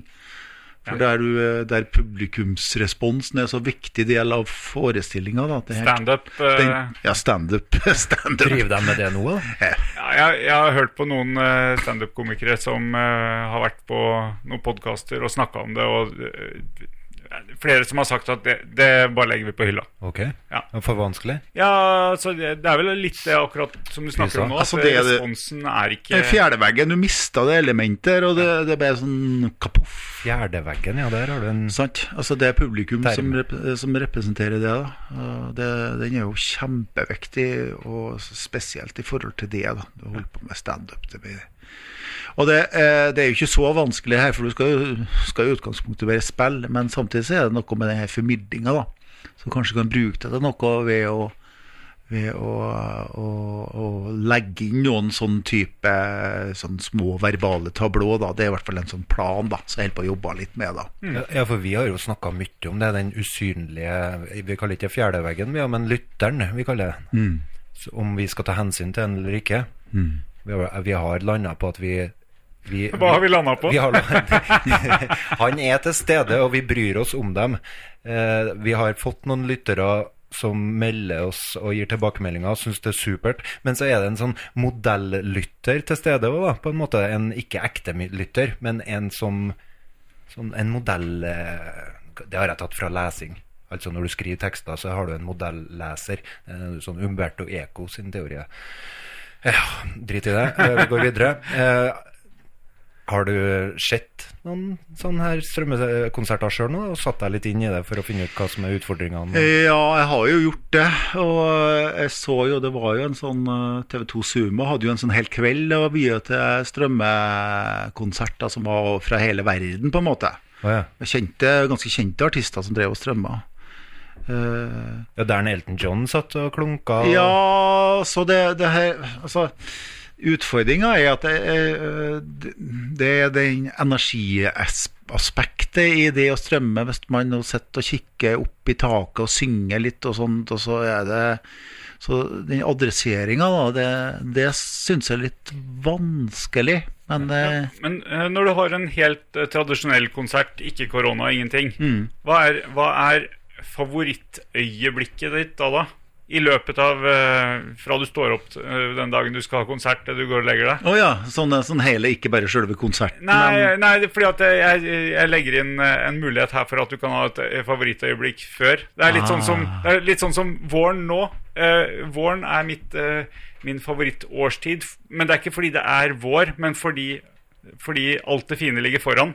ja. Eh, så Det var derfor jeg la inn en mulighet for at det kunne være Det er litt sånn episodisk du tenker i forhold til det med Ja. Nei, det skal vi se, da. Eh, er jo, det er jo det er klart den sitringa før du skal på, er jo veldig fin, da. Eh, Du liker den? Ja, ja, det gjør har, jeg. har du alltid gjort det? Ja, jeg har hatt momenter der jeg har på en måte kjent på at uh, Men det kommer litt an på hva du skal gjøre, da. Uh, jeg holdt på å spille klassisk gitar for, eh, f- mens jeg studerte. Og da var det ikke den gode følelsen, for da, var det, da tok nervene på en måte litt overhånd. For det er så skjørt. For det skal og- være helt rett. ja, og så er det noe med Hvis du får litt skjelven i hånda, da, så er det jo ute og sykle med en gang, altså. Og det, og, men den har jeg ikke lenger, da. Og det Jeg liker jo, jeg liker jo å stå på scenen her, da, så. Du blir ikke nervøs? Jo, men, eh, men det er jo bare bra. Men du liker det. Ja, ja, ja. Og så nerver Det er jo Nervøsitet er jo, det er jo bare noe med at man bryr seg, og så er det noe med å håndtere det, da. At man klarer å håndtere det sånn Det skal jo være nerver. Så, så, det, så det er eh, litt sånn sitringa og gleder deg til konserten som er, eh, som er høydepunktet, eller er det noe under konserten når, Ja, ja, ja. når, ja. når responsen kommer, for Ja, ja, ja, selvfølgelig. Det er jo når man, når man kjenner at det er et annet altså, Nå er jeg jo jeg mest vant til å spille band. Jeg har gjort en del jobber som trubadur, og det likte jeg ikke så veldig godt. da For at eh, da er du bare alene. trubadur er Trubadur, det er alene. solo, da. Ja, ikke sant? Er musikkora? Tror ikke være det, men, eh, men altså det, jeg har gjort noen trubadurjobber, men altså, og det kjipe med å være trubadur, er at du er alene i pausen. Da. Da, for da får du bare besøk av han som eh, skal, skal fortelle hva du egentlig burde ha spilt, og sånne type ting. Altså, eh, Kommer med CD-en. Sett på CD-en her. Har du spilt med Creedence? Så, altså, så, sånn at eh, mens, Og det å være et band på scenen når det, når det virkelig funker, da Når du kjenner at nå, nå tar det litt av, da Nå, er det, nå svinger det ordentlig. Det er jo, en, det er jo godfølelsen, da. Du føler at eh, det sitter, da. Det, det er topp. Samspill. Rett og slett at det er en eller annen sånn derre liten touch of magic, liksom. Altså den, den følelsen. Det, det er bra. Og klart, da er det et eller annet som skjer i rommet, da. ikke sant? Det er det publikum der, og det er bandet der, og så er det et eller annet som, eh, som bare er litt uforklarlig, som gjør at det blir så utrolig bra, da. Men eh, når du er alene, og bare ja, du er med gitaren og lager de her ja. lydene sjøl, kan du komme så inn i det at du Å, nei, dæven, jeg drar på med det refrenget en gang til. Å, tror du du kan få den når du skal sitte og strømme? Nå skal ikke strømme alene. Nei, ok. Eh, vi er fire. Oh, ja. Så eh, Thomas og Jarl Ivar som har vært produsentene mine, de spiller henholdsvis gitar og keyboard. Og så har jeg med en bassist som heter Kjetil, da, som, så vi er, vi er fire musikere. Ok. Så det, det da Men det kommer ikke til å Det er ikke sånn at vi tenker at vi skal Vi drar ikke på med et ekstra refreng. Det, det jeg tror det er nesten litt sånn unaturlig å kjenne på det. Da er det i så fall en feil som har oppstått, men det, det kan jo skje. Ok, Så det blir ikke helt sånn Neil Young, han kan ha 15 minutter? Eh, ja, det skal han nå få lov til å ha. han kan jo hende at han glemmer å stemme gitaren litt òg, han. sa det, Ja, en stemme underveis, ja. ja, det, og det òg. Ingen som legger merke til det. Eller, Nei, men altså, det, det er klart at det, det er Det blir jo, det blir jo en, eh, en nedskalert versjon av eh, albumet, det blir det jo. For der er det jo eh, eh, full pakke med trommer, og det er noe litt blås på en låt, og det er noe masse damekor. Så det er noen kompromisser vi måtte ha gjort da, og det har noe med hva man håndterer lydteknisk òg når man skal strømme, da, så man er sikre på at det blir en grei lyd. da. må jo ha med damekor. De er jo så flotte. De det De koreseksjonene, eller hva jeg skal kalle det. på- Ja, ja, det er jeg veldig glad i det, og det er et veldig bevisst valg. Og hun Ingrid som er med koret her, hun er jo en eh, Hun er jo eh, ei som jeg liker godt å jobbe i lag med, og hun, hun, hun har en stemme som er Stemmene passer godt i lag, da. Og det, det, godt, ja. og det, det er viktig, altså. Så det Nei, det, så det blir én strømming, og så blir det forhåpentligvis rett i live etterpå. Ja, det får du håpe at det går over. det her. Ja, det, det, det er jo det. Det er jo det. De har jo åpna opp ganske mye, så jeg tenker at det, det Hva er det jeg ikke skulle gjøre? Ja, det, Trom, tromme på bordet. tromme på bordet. Jeg tok meg sjøl plutselig i det. Sånn. Ja, det blir litt, eh, det blir litt eh, lyder når vi er i et eh, 200 år gammelt hus med et eh, trebord som eh, er godt rustikk, kan man vel si. Og stoler som eh, knirker litt. Og Jeg klarte jo å rive ned headphonesen min når jeg skulle filme under låta di her, og bare Jeg lurte på det, om det var sånn litt mangel på oppmerksomhet. Det var, det, det var Og så for meg jobben jeg må gjøre i etterkant. På å Ja, ja. få det bort. For det skal gå an å få bort. ja. Håper jeg. Siden vi sitter og snakker om det nå, så er det jo det som er et mål, å få det bort sånn at hvis dere ikke hørte noen headphones som gikk i gulvet, så har Øystein lykkes. Ja. Ja. Ikke høre støyen. Men uh, det er det jeg kaller for kommersmusikk, det du forteller om eh, når du var det ungdomsbandet ditt, da, som spilte finsk tango og alt mulig rart. Kommerst med det at du eh, dere valgte ut repertoar ut ifra hva publikum ville ha. Dere- Ja, og litt hva man var i stand til å spille, tror jeg. da For det var jo litt det òg, da. Og det var jo, det var jo en trekkspiller her som var i front. da Han hadde jo liksom eh, var jo den som hadde melodiføringa på ting. Ja. Og da er det klart at da velger man ut ifra det som eh, den trekkspilleren eh, eh, ønsker å spille òg, da. Ja. Så det, så det. Men motivasjonen her, da? Når du har noe eh, Jeg vet ikke hvor gammel du er, Pål har sagt at jeg skal ikke spørre om det. Har, har jeg sagt det? Ja, eller jeg skal være litt forsiktig med sånne ting. Tror det står en godt voksen mann, står det i, eh, i pressemeldinga som jeg driver og sender ut litt hit og dit. Ja, ja, du er ikke noe ungdom. Nei, Nei. nei. da, det er jeg ikke. Det, det er, har ru- ru- rundet halvt århundre. Det har jeg nå gjort. Og rektorjobben er lønna, Ja, det er nå. så her er ikke mot pengene som Nei, motivasjon. motivasjon er ikke penger. Det er det ikke. Hvordan fant du på at du plutselig skulle sette i gang og få ut det her eh, plata di? Ja, nei, jeg, had, jeg hadde jo et, eh, et eh, Jeg hadde jo Jeg hadde jo en situasjon der jeg i 2017 eh, rett og slett kjent på et ønske om å finne noe motivasjon til å gjøre noe nytt. Jeg var litt sånn, litt sånn uh, jeg skal ikke si at jeg var demotivert, for det var ikke i forhold til rektorjobben, og sånt, men det var litt sånn, det var, det var litt sånn uh, Ungene var nå ute og, og hadde mye tid, og så, og så hadde jeg behov for å sette i gang med et prosjekt. Og så plutselig så bare slo det meg at uh, ja, men kjære venner, kan du, kanskje du skal prøve å skrive noe på bindalsk, da? Og så og, og, For jeg hadde jo masse låtideer, og så hadde jeg jo òg tenkt sånn at det, eh, jeg- som jeg er, så syns jeg jo sjøl at jeg ikke synger bra nok på engelsk. Eh, og så tenkte jeg at nei, men kanskje jeg skal gjøre det, da. Og så begynte ideen å, å rulle på seg. Så begynte jeg å skrive litt, eh, og jeg hadde jo ingenting som sagt. Tekstene var jo engelsk. Så det var å begynne å arbeide ut eh, skisser, begynne å tenke ut ideer.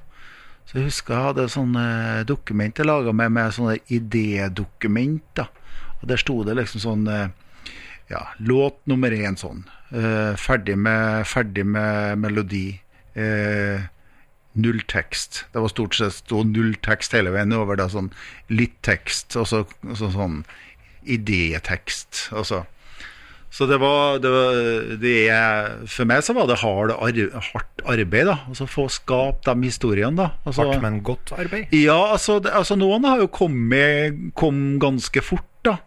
Så det var en låt jeg skrev på Den kom av seg sjøl på eh, ja, 20 minutter. Men Sanja igjen, så var det sånn der Du bare må stange og stange og stange for å finne de rette ordene. Du skal, finne, du skal være fornøyd med metaforene, du skal være fornøyd med skildringene, og ordene. Altså, eh, det er så fort at det blir platt. da. At det blir platt, og at uh, rimene blir ja, litt sånn der døll. Og det, det om jeg finne det, det skal ikke stå igjen med noen nødrim, liksom. Nei. Og det, det er mye arbeid, altså. Det det er mange som har godtatt nødrim før deg, altså. Ja, det, det og, men, eh, men det er jo eh, Men, men, er, men er, du, er du redd for det nå som på en måte Du, du sendte den til Egersund til, til trykking og, og fått tilbake plata, og, så, og, og at du får sånne reaksjoner? Er det, vil det vært det verste, eller, eh, eller får den bare leve sitt eget liv? Ja, altså, jeg er jo fornøyd med produktet. Og Ja. når jeg er fornøyd med produktet, så, så, så kan jo ikke jeg gjøre noe med hva de andre skal synes om produktet. Og det er sånn at jeg har jo møtt folk som sier at ja, det her er jo ikke min musikksjanger. Og det er jo helt streit, det. Det er jo det er, hvis, det, går rundt noen der og syns at de dør for amerikansk hiphop, så skjønner jeg at de ikke liker det der. Det er jo, det er jo noe annet. Eh, og det er jo klart, det er jo en, det er en skive som, som nok treffer et litt voksen publikum. Det tror jeg nok. Eh, jeg har fått fin respons på folk som er, som er ganske unge, men jeg tror nok at eh, hovedtyngden er et sånn litt voksen publikum, da. Og noe er det litt rocka, noe er litt mer visat, som Drought, som gikk under navnet og dro ut til havet. Den er jo litt mer mot et veldig rolig segment, da. Et maritimt. Mar maritimt. Jeg, jeg, har, jeg har en egen, eh, jeg har en egen eh, eh, liste på Spotify med litt sånn maritime låter. Du har det, Jeg har det. Da kan du sette inn den her nå. Ja, jeg, jeg tenkte på det i stad, men jeg, jeg sto og hørte på den i stad når jeg, når jeg drev og laga pastasalat til middag til gjengen hjemme. Ja. Eh, og så hørte jeg på den under middagen også. Ja. At Den kan vi legge inn på den maritime lista. Maritim liste, ja. jeg, har, eh, jeg har en hytte litt lenger nord enn eh, Bindal. Ja, Så ute i, med, med sjø rundt hele. ja. Ja. Og da snakker vi Da snakka vi i, i Gildeskål kommune. Gildeskål, ja. Ja, Rett sør for Bodø. Ja. Mm. Har ikke de nettopp mista rådmannen sin? jo, de har lyst ut De skal lyse ut etter rådmann. Ja. Så eh, Er du interessert, Pål? ja, jeg tenkte jeg skulle, skulle ha den jobben. Ja, Bli rådmann der du har hytte? Må jo Ja. være fabelaktig. Ja, bare hvis vi kan avspore litt på det, så har vi jo en tidligere gjest her. Ja. Vi kan si det? Ja, det kan vi. Som uh, Kirsti, eks-ordfører i Klæbu her. Oh, ja. ja. Hun var vår første gjest på Ah, podkasten. ja. Og hun har fått seg rådmann, eller nå heter det da kommunedirektørstilling i hyttekommunen sin på Helgeland. Vevelstad. Så hun ønsker vi lykke til der. Eller Vevelstad, som gjerne sier der oppe, da. Det kan godt hende. Eh, det skal jeg begynne å si. Vevelstad. Ja, det var betraktelig Du må ha mer retroflex Ja. på den eh, L-en til slutt der. Vevel. Vevel. Vevelstad. Og, og nå kan vi tagge Vevelstad i uh, på podkasten her. Og Gildeskål. Og kanskje tagge den der stillingsutlysninga på Finn med nummer. Ja, den er ikke, den er ikke lagt ut ennå. Å nei. Fun fact, så er jo Vevelstad er jo en sånn fiffig liten kommune egentlig oppe på Sør-Helgeland, for at uh, du må ta ferja om du skal den én veien inn eller ut. Eh, så jeg legger sånn til at uh, du må ta ferje fra Brønnøysund og over, og så må du ta ferje videre, og så kommer du til Nesna. Eh, Nei, ikke til Nesna, hva du kommer til? Ja, nå står det litt stilt for meg, men ferje begge veiene. ja. Ja. Uh, nå husker jeg ikke hva fergeleiet på nordsida heter, jeg heller. Men, men så har du jo uh, innafor så har du den, en stor nasjonalpark som heter Å, det er dobbeltnavn. Åh, det er eh, Ikke Kvisten, men uh, Visten. Okay. Eh, Visten. eh, mm. og et eller annet med Visten. Åh, står helt stille. Men i hvert fall, det er, mye av kommunen er nasjonalpark. Og så er det en ja, drøyt 500 innbyggere i kommunen. Ja. Så Og der har hun Kirsti blitt uh, direktør nå, da. kommunedirektør Ja. skal begynne der etter hvert. Ja. Hvordan skal de 500 kr- stykkene klare å komme sammen og betale den lønna hun skulle få som direktør? Det var rundt en million, ikke sant? Skjønner ikke jeg. Det vet jeg ikke. Direktørstillingene, altså. Fader. Hva, hva Du er bare misunnelig. Hva for en rektor var det du skulle spørre om? Nei! Jeg skulle inn på det her med verdien av kultur. Verdsetter vi den på godt nok vis, eh, Stein Frode? Det var et vanskelig spørsmål, men det var et godt spørsmål. Det er sånn man sier når man syns det er et vanskelig spørsmål. Eh, Vi kan jo ta og kikke litt på situasjonen vi står oppe i nå, da. Eh, det er dem som på en måte ikke har lønn. Altså alle de kulturarbeiderne som, som blør. Eh, for det er mange som blør. Og det er de flinkeste som blør og for det er dem som er dedikert til bare til musikken eller til Eller til dansen eller til teatret, ikke sant. Og så blir de møtt av en kulturminister som da sier men vi må ta det viktigste først. Så da er jo egentlig det I rest my case. Ja, ja. Hva var det viktigste? Fotball? Nei, jeg tror det, det, det, er noe, det er jo ba, altså Han sikter jo til barn og unge, og det er, er, er jo enig i at, at barn og unge er superviktig. Men samtidig, når du står der og du, har, eh, du er nærmest konkurs og, og For det er noe ord, eh, og retorikk er jo, er jo, virker jo inn på oss. Så det er noe med tilnærming her òg, da. Sånn at eh, Ja, vi, det, er vi prioriterer jo Vi prioriterer jo til en viss grad kunst og kultur i Norge, det gjør vi jo absolutt. Og det har vi jo råd til, for vi har jo Vi er jo ikke en veldig fattig nasjon egentlig, sånn sett eh, under ett. Men det er klart at det, er jo det, det oppleves nok sånn for alle sammen i dag at de er prioritert, de som jobber med det. Jeg regner med at du ikke er helt enig med denne eh, eh, tanken om at kulturen må kunne klare seg sjøl, og hvis det ikke selger, og hvis det ikke genererer penger og inntekter, så skal vi heller ikke støtte opp om det. Nei, altså jeg er jo tilhenger av at kultur skal ha sin del av det som, eh, det som den nasjonen her har, da. Det, det mener jeg. Og jeg tror at det mangfoldet er med på å berike oss.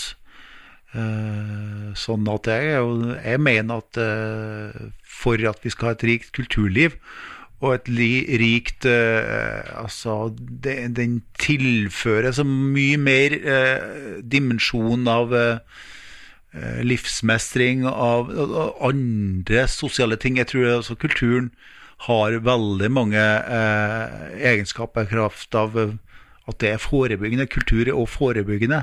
Det gir livskvalitet til folk. Og da tenker jeg at det Jeg skal ikke begynne å selge inn kultur som medisin, men, men det er også noen dimensjoner der, da. Ja, som gjør hvorfor at ikke? kulturen innvirker på mange samfunnsområder som en sånn fantastisk positiv sideeffekt. da. Jeg syns absolutt du skal selge inn kultur som eh, medisin. Men det er dessverre ikke sånn at den medisinen vil virke likens på alle, tenker jeg. Men for noen så vil jo eh, idrett være suverent i oppveksten, mens for andre så kan jo virkelig kultur, musikk, teater, drama gi opplevelser som gir ikke bare kvalitet, men som berger dem til å holde motivasjonen opp. til å Tror jeg så absolutt. leve eh, videre. Jeg opplever jo musikk som helt transformerende, for å bruke et idiotisk vanskelig uttrykk. Men, men det, eh, det er ikke min sjanger, dette her, musikken din.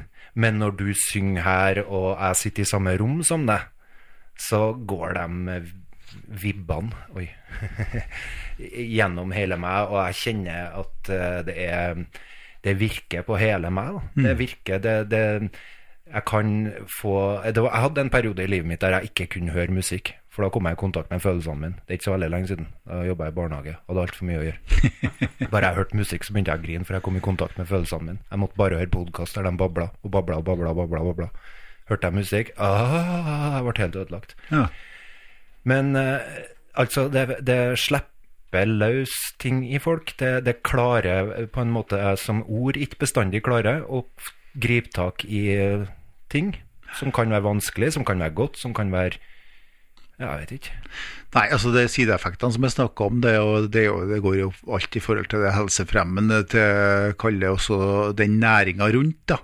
Det er klart at Når man arrangerer Roots-festival i Brønnøysund, som er en relativt liten plass på Helgeland, og når det er dagspass og det er 3000 inne på, det, så, det, så har det enorm eh, vektighet i forhold til næringslivet for øvrig. Men det ene, det viktigste er jo denne opplevelsen av hva man faktisk Og, og ikke minst i forhold til identitet, så er jo musikk så viktig for så mange. Jo, vi identifiserer oss jo med, med ulike typer musikker, også ulike sjangre gjennom, gjennom livsfasene våre. Sånn at eh, musikk og identitet er jo helt eh, essensielt, tenker jeg da. Ja, ja, vi blir ikke mett av det, og vi eh, blir ikke varme av det som klær og hus og tak, så det, det er ikke nødvendig for å holde oss i live på den måten, men eh, livet mitt ville ha blitt veldig mye fattigere uten musikk, selv om eh, 90% av den musikken jeg hører, synes jeg er bare irriterende. Men, eh, men eh, evnen til musikk, eh, evnen musikken har til å frigjøre eh, ting som har knyttet seg, eh, eller frigjøre sånn eh, skal vi kalle det Når folk danser, så er jo det en slags ekstase, nærmest. Men ikke religiøst på noe vis, da. Men, eh, men noe som jeg tenker vi menneskene bør ha med oss, og vi bør ha i livene våre. Vi kan ikke bare sitte på kontor og være saklig. og og det eneste kontakten vi har med det dyriske, er også når vi slipper en fis eller noe sånt. da ble vi fattige, tenker jeg. Hørtes litt stusslig ut, det bildet der.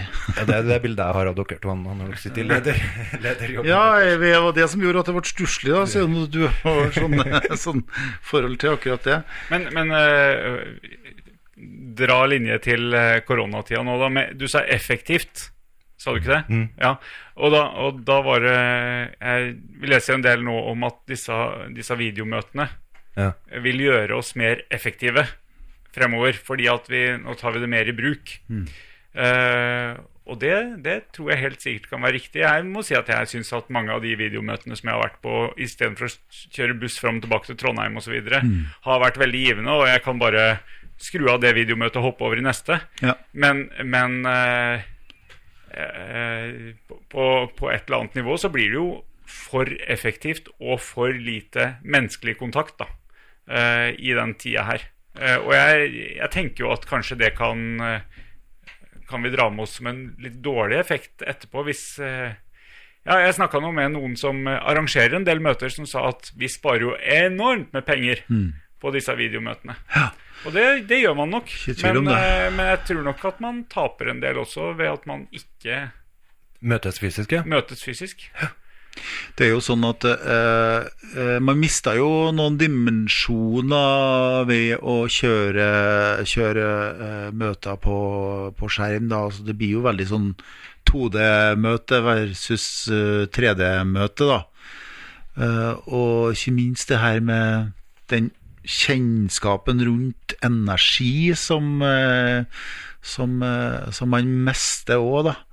Eh, i, når, man, når man har eh, videomøter. Eh, ja, de blir veldig effektive, og, men du, du, mis, du mister noen diskusjoner, du mister noen, eh, noen opplevelse av eh, en eller annen form for energi, tror jeg, da.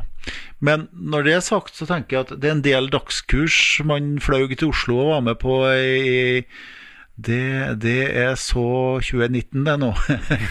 Ja, ja, sånn at, eh, så der, der kommer det nok til å skje en del ting som jeg tenker er også bra i forhold til at man får eh, redusert en del på en aktivitet som, som kanskje er helt greit at man får redusert på, da. Ja, I hvert fall for oss som ikke driver flyselskap eller driver eh, konferansehotell.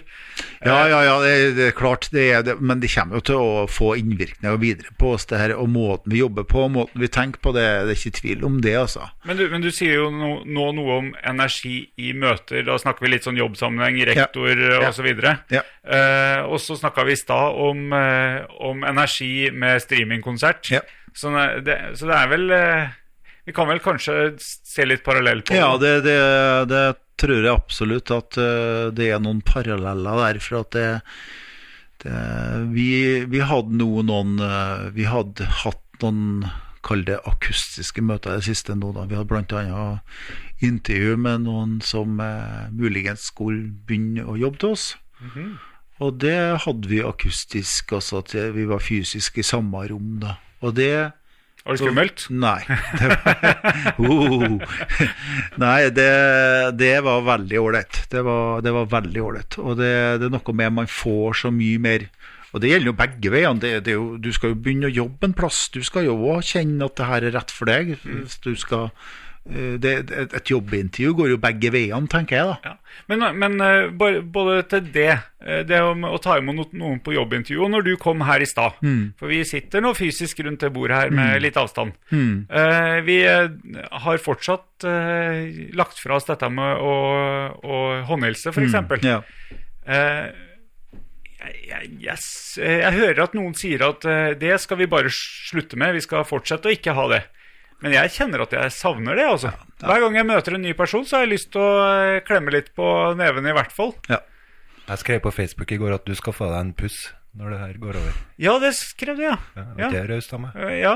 Jeg er litt usikker på hvordan du har tenkt å gjennomføre det, men uh... Jeg er litt usikker på hva en puss er. egentlig. Ja, jeg òg. Det var derfor jeg, jeg gleder meg. Jeg gleder meg. Tror det Bo Kasper har vel en låt om det. Ja, nei, jeg siterte Bob Hund.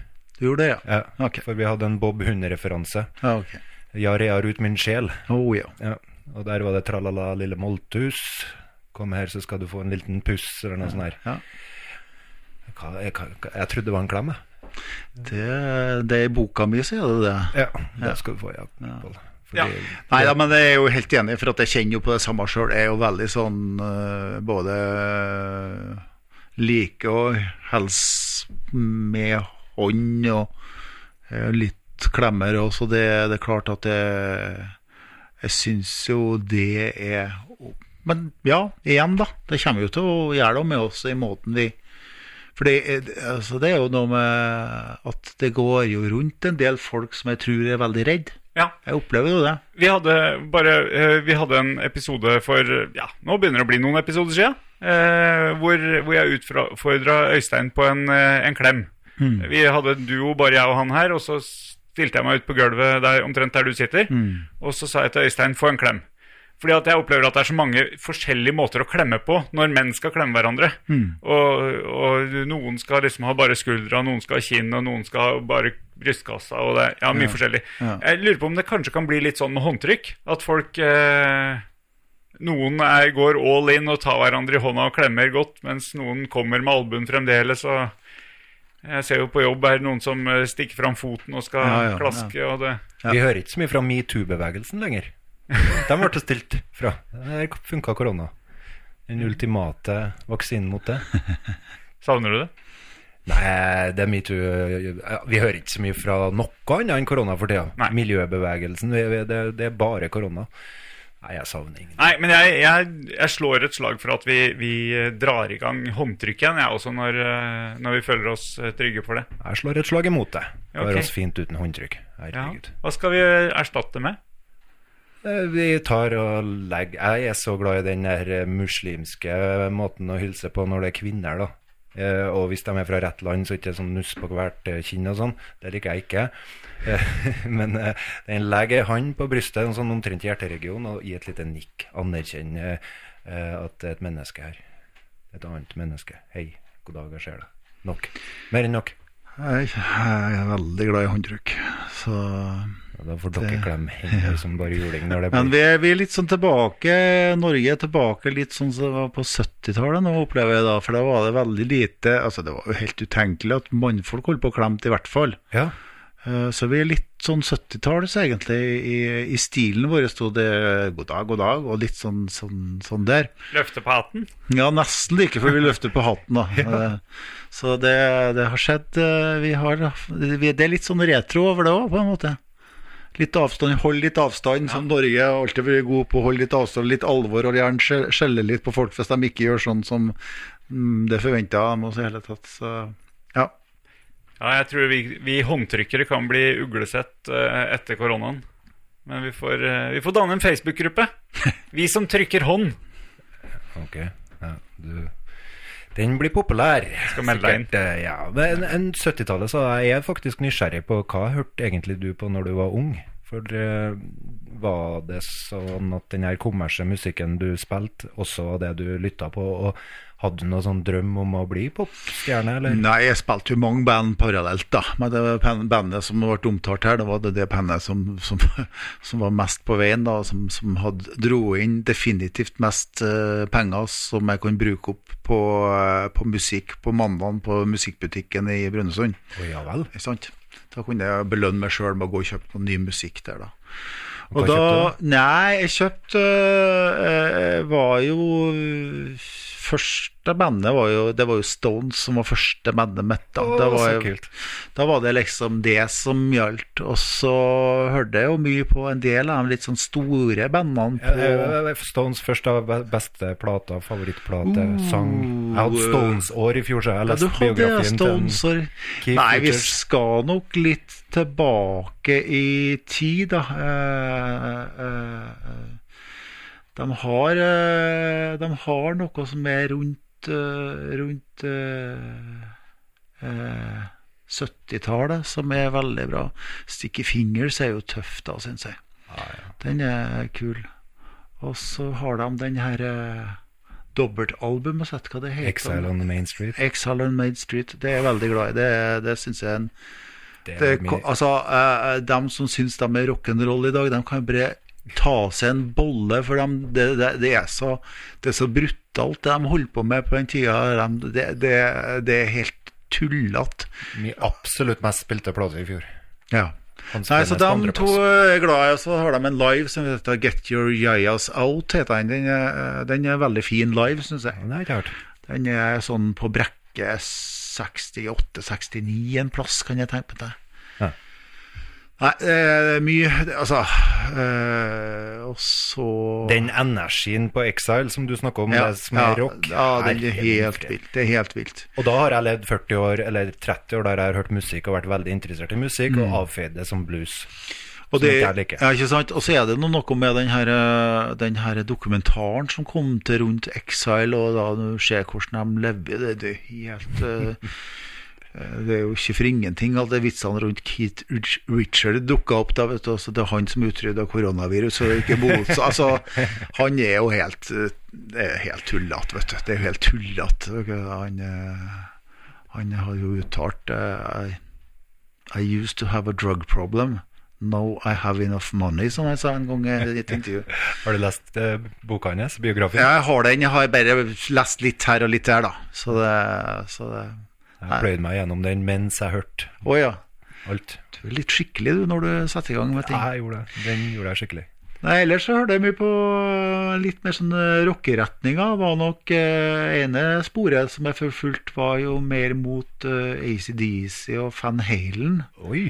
Eh, spesielt de to bandene da var jeg veldig glad i. Og så det andre sporet var mer sånn litt mer mot lyrisk, da, mot uh, Dire Straits. Gammelt Dire Straits, da, vel å merke. Ja. Første skivene. Police hørte jeg mye på. Eh, Sting? ja, Police, Okay. ikke Sting. Nei, vi skal ha en Police. distinksjon der. Ja, nei, Police ga ut fem skiver, eh, og de er fabelaktige. Ok. Og så gikk jo Sting solo etter det i 5-86, kanskje? 85. Uh -huh. 85. Ja. Men uh, og siste skiva er vel den med den mest kjente låta deres, altså 'Every Breath, You Take', da, som ikke er så spesielt glad i akkurat den låta. Så det er for øvrig så er det en kjempe Synchronicity heter skiva. Okay. Den er jo kjempebra. Ja. Knallskive. Altså alle skivene til Police. Maks. Så det var noe jeg hørte på sånn, litt sånn Kall det hermetegn store band, da. ja. Ja. Ennå for tida.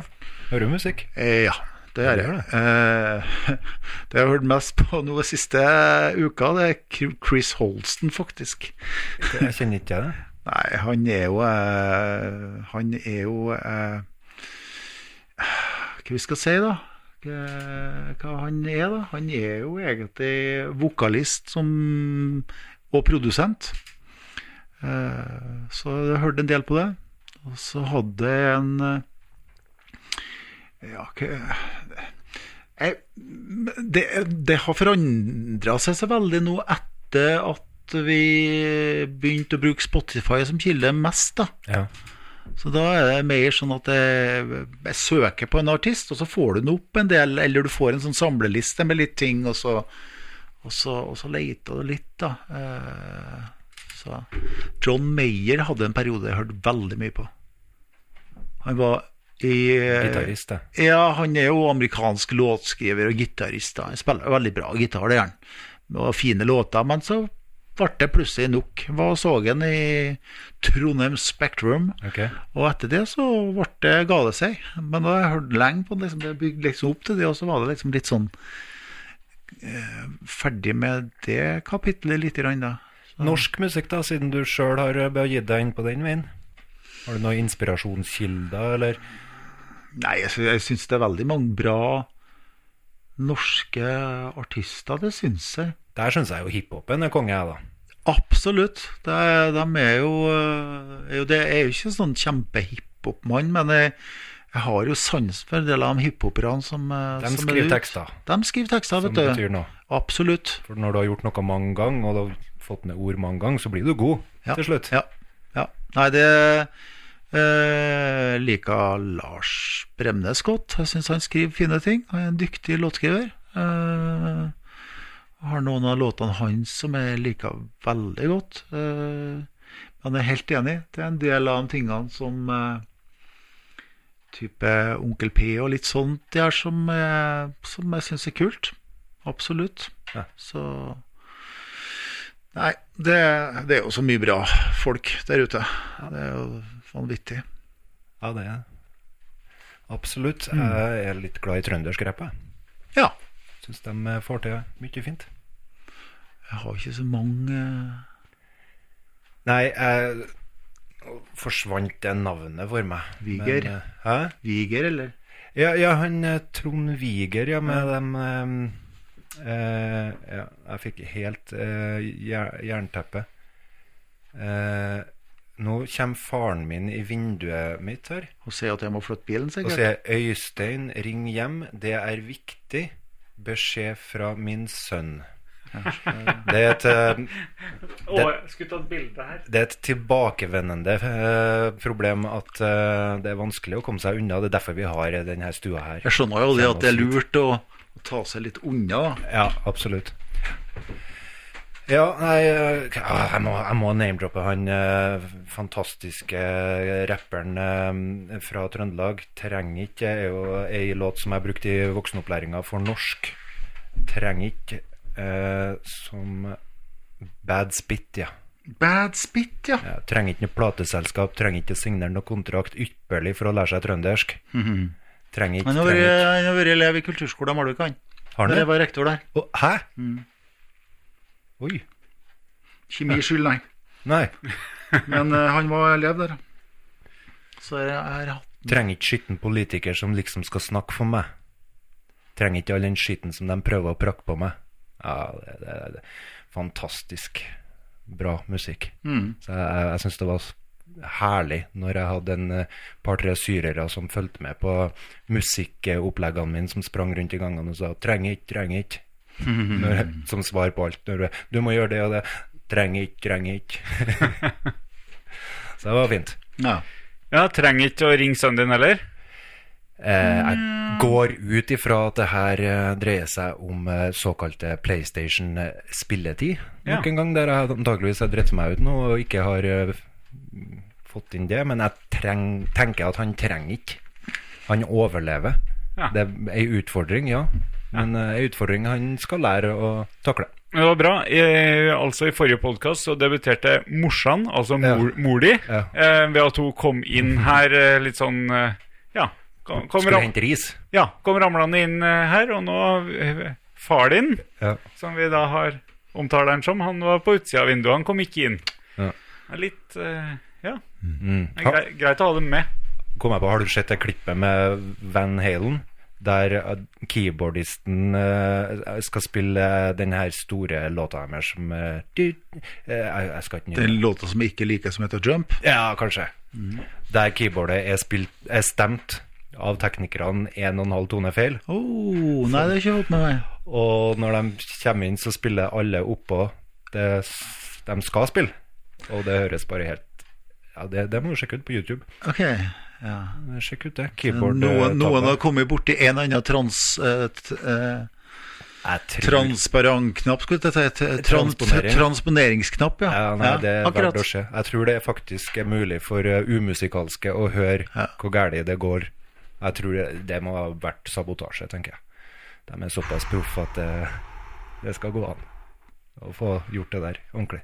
Gjorde en jobb i byen med et eh, band med bare originallåter en gang nede på 3B, Kafé 3B. Ja, Der den ene gitaristen satt capoen i feil bånd. Det, det blir, Ja, det det blir heller ikke sånn kjempefint. da Nei, det er akkurat det. Det var, det var Det kan fikses ganske fort.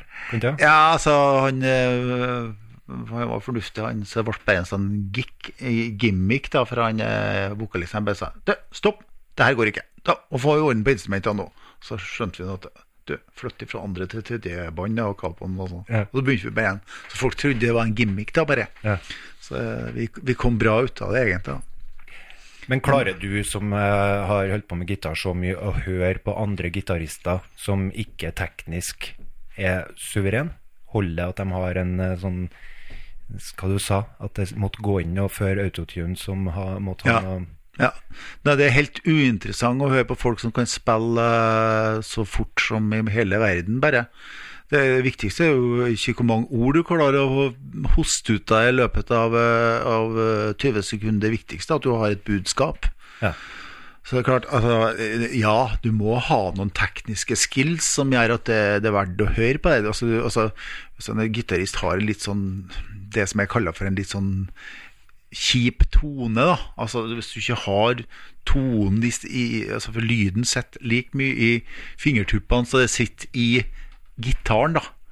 Så, du- så du må ha en fin tone, for det er en sånn signaturtone din. Det, det kan jeg høre med en gang om det er jeg kan ikke høre alle gitaristene hvem det er, men du, du hører liksom at det her er Jeff Beck, eller du hører at det her er eh, Mark Knopfler, eller du hører altså ikke sant? Sånn kan du høre eh, når du har holdt på med det mye. Ja. Eh, men det viktigste er at du som gitarist, da skal du jo tilføre noe ekstra til låta, annet enn at det er bare Og nå kommer gitarsoloen, dere. Altså den der do-di-do-di-do altså, Det er jo helt uh, uinteressant. Fascinerende at du sier at jeg kan høre sånn og jeg kan høre sånn. Det er eh, jeg kan, jeg kan ikke høre sånn i det hele tatt. Og, og, men det Men uh... Men du kan installere e-postklienter og sette opp nettverk. Og når jeg ikke får til ting med greske ting som DNS og MX-register og sånt, da kan du fikse det, Pål. ja, ja, nei, det var ikke, det var ikke, det var ikke et napp om, eh, om skryt. Det er, bare, det er fascinasjon at folk eh, Når folk er veldig interessert i ting, Ja. så er det utrolig hva, hva som liksom Ja, hva de får til å gjøre eller høre eller eh, Jeg har, jeg har en, eh, en bekjent som kan kan eh, faktisk høre hvilket Widerøe-fly som flyr forbi. Ja. Og ikke, ikke type Widerøe-fly, men også nummeret. Ja. eh, Registreringsnummeret. Det er som å eh, kjøre en, en Opel forbi, og så kan si at det er den Opelen. Ja. Eh, Men, men det er sånn når man har interesse. Ja, og, og trening. In, ja, interesse og trening og ja. Det er derfor jeg kaller nettverksbygg ikke bygging, jobbing med nettverk og internett og sånn for svart magi. For det tror jeg musikk framstår som for deg, men egentlig så er det bare kunnskap og øving og gjentagelser og trening. Og, Jeg, jeg tror det er det, for når jeg sa i stad at jeg klarer ikke å sette sammen disse grepa til at det skal bli noe, uten at jeg har oppskriften veldig tett foran meg. jeg vet ikke, jeg er spent. Jeg- Hva tror du? Nei, jeg tror vi er skrudd i hop litt forskjellig. Altså på samme måte som at noen eh, har talent for å springe fort en rett strekning på 100 meter, og andre igjen har eh, talent for å springe 42 km. Altså det er litt ulike. Og uh, sannsynligvis så vil den som da nettopp har valgt den 100-meteren, har egenskaper som er godt egnet for akkurat det. Eller andre idretter, da. Og det, det, sånn tror jeg det er ellers òg. Altså, vi kan alle lære noe til en viss grad. Uh, og på samme måten som jeg tror at det er ikke alle som blir gode til å undervise. For at de bare, det er noe som uh, ikke gjør at de får til å fylle de egenskapene på en god måte. Ah, Så, og det betyr ikke at de er dårlige folk, det betyr bare at de skal kanskje gjøre noe annet enn å stå og undervise. Altså, det, altså vi, vi har noen ulike skills, da. Har du hatt noen ansatte du måtte ha sagt det til, eller? Nei, det vil jeg ikke kommentere. Nei, men det, det er jo forskjell der òg, så det, sånn er det nå bare. Det er noe Men, men svaret er jo Jeg kan jo svare for mest, eh, Svaret er jo mest sannsynlig ja. Og så og så er fordi at eh, folk er forskjellige og har Altså, litt av jobben din som rektor er jo å gjøre folk gode i jobben sin. Og da kan man ikke bare stå og si at uh, det er bra, bra, bra, bra, bra. Da må man inn og reflektere rundt hva som ikke kanskje funka så godt. Og sånn. Nei, og så kan du lære noe teknisk, da. Du kan vite at du skal se blikket, møte blikkene der, og sånn, og sånn. Men altså, enkelte bare har det. Altså, jeg velger å se det andre veien. Det er enkelte som er bare sånn knallgod, og som bare har skjønt det, og den klasselederrollen som bare er helt uh, uh, så naturlig for dem. Så andre igjen som da ikke, som blir mer stakkato, og det, det, det, det er liksom ikke så smooth, da. Og det, det, der er det forskjell, altså. Store forskjeller. Selvfølgelig er det det. Hva er, hva er, eh, jeg spurte deg i stad om hva som er det beste i en konsertdag. Ja. Hva er det aller beste i et eh, rektorår, da? I et rektorår? Ja, Ja. Det er, Ferien, så klart. Øystein. når, når, eh, De lange, gode feriene. De lange, gode feriene. Vi har ikke det, vi, vet du. Nei. Nei, vi, vi har eh, Vanlig fireukers? Ja. Femukers, eller? Ja. Rektorer har en eh, egen avtale, og vi har òg nå avspasering knytta til kveldsarbeid og sånn som vi som regel ikke tar ut, da. De skyndte seg å sette i gang skolene nå når det begynte å bli snakk om å forlenge skoleåret med to uker. Da ble det travelt. Nei, altså det er, oss, altså det- det beste øyeblikkene er vel egentlig når vi har litt Jeg liker jo når det skjer mye, da. Jeg liker når de er litt på gang, og når det er litt aktivitet. da. Vi hadde et jubileumsår for noen år siden, vi feira 100-årsjubileum, og da gjorde vi veldig mye kule ting. Vi laga en jubileumsavis til en verdi av ja, med et budsjett på 250 000 Oi. som gikk ut til 90 000 eh, abonnenter, altså som en stikker i Adresseavisa. Så lager vi en jubileumslåt der hele skolen var involvert, og som ble produsert den samme som har produsert det der, da. Som jeg ble veldig fornøyd med. Gjorde en jubileumsforestilling i Olavshallen med full sal, og hele skolen er involvert. Og alle, hele personalet er involvert. og så så har vi en elevutveksling med, eh, med noen skoleelever i, eh, i Nordkjøping. Så det var sånn fire store prosjekt på en gang. Da, og det, det var, da var det utrolig artig, altså. Og så var det lite Så, så det her generert eh, lavt konfliktnivå og få sykemeldinger. Ah, Så, så det var en sånn effekt av det. Og til overmål da, så var vi pakka inn bokstavelig talt eh, i plast opp til pipa på skolen, for det var hovedvedlikehold i tillegg. da. Men det var ingen som mukla, så bare, vi bare gønna på. og Det var så artig, altså. Så, så det holdt på med litt sånne type ting. Holdt på med prosjekt som er litt sånn det lille ekstra. Det er det artigste, tenker jeg, da. Mm. Har du en del samarbeid med andre skoler i, i Trondheim, eller? Ja, det Skolestrukturen er bygd opp sånn at vi har fire, fire kalde nettverk. da. Ja. Sånn gjør at vi er en del av Midtbyen, Byåsen heter nettverket vårt. Da. Så da har jeg ekstra samarbeid med dem. Vi er 14 skoler med kulturskole og St. Olavs og litt sånn annen type skoler oppi der. da. Ja, for det begynte jeg å spekulere på. Eh, Du skal gjøre lærerne gode. Ja. Hvem skal gjøre deg god? Rektoren god? Hvem er det som du støtter på? Ja, vi har jo en skoleeier, da. Så, og skoleeieren, og spesielt de dagene her nå, så har jo skoleeieren stått fram litt mer aktiv, syns jeg. Og det har vært fint, da. Da kunne vi ha sagt at skole har sagt at det er vi som tar den beslutningen her, så det slipper dere å bli hengt for hvis det blir sånn. Så det har vært veldig positivt. da. De har jobba mye, altså. De har jobba mye og lange dager. Så det, Kommunen, altså. Ja, altså skoleeier, da, som da er kommunalsjef for skole, eh, kommunaldirektør for skole, altså de, de som har de funksjonene her, da. En åm, eller noe? Hæ? Er det en Nei, det er- Nei, en annen. Kommunaldirektør for skole er jo Camilla Trud Nereid. Ah, hun fra Dronning Mauds?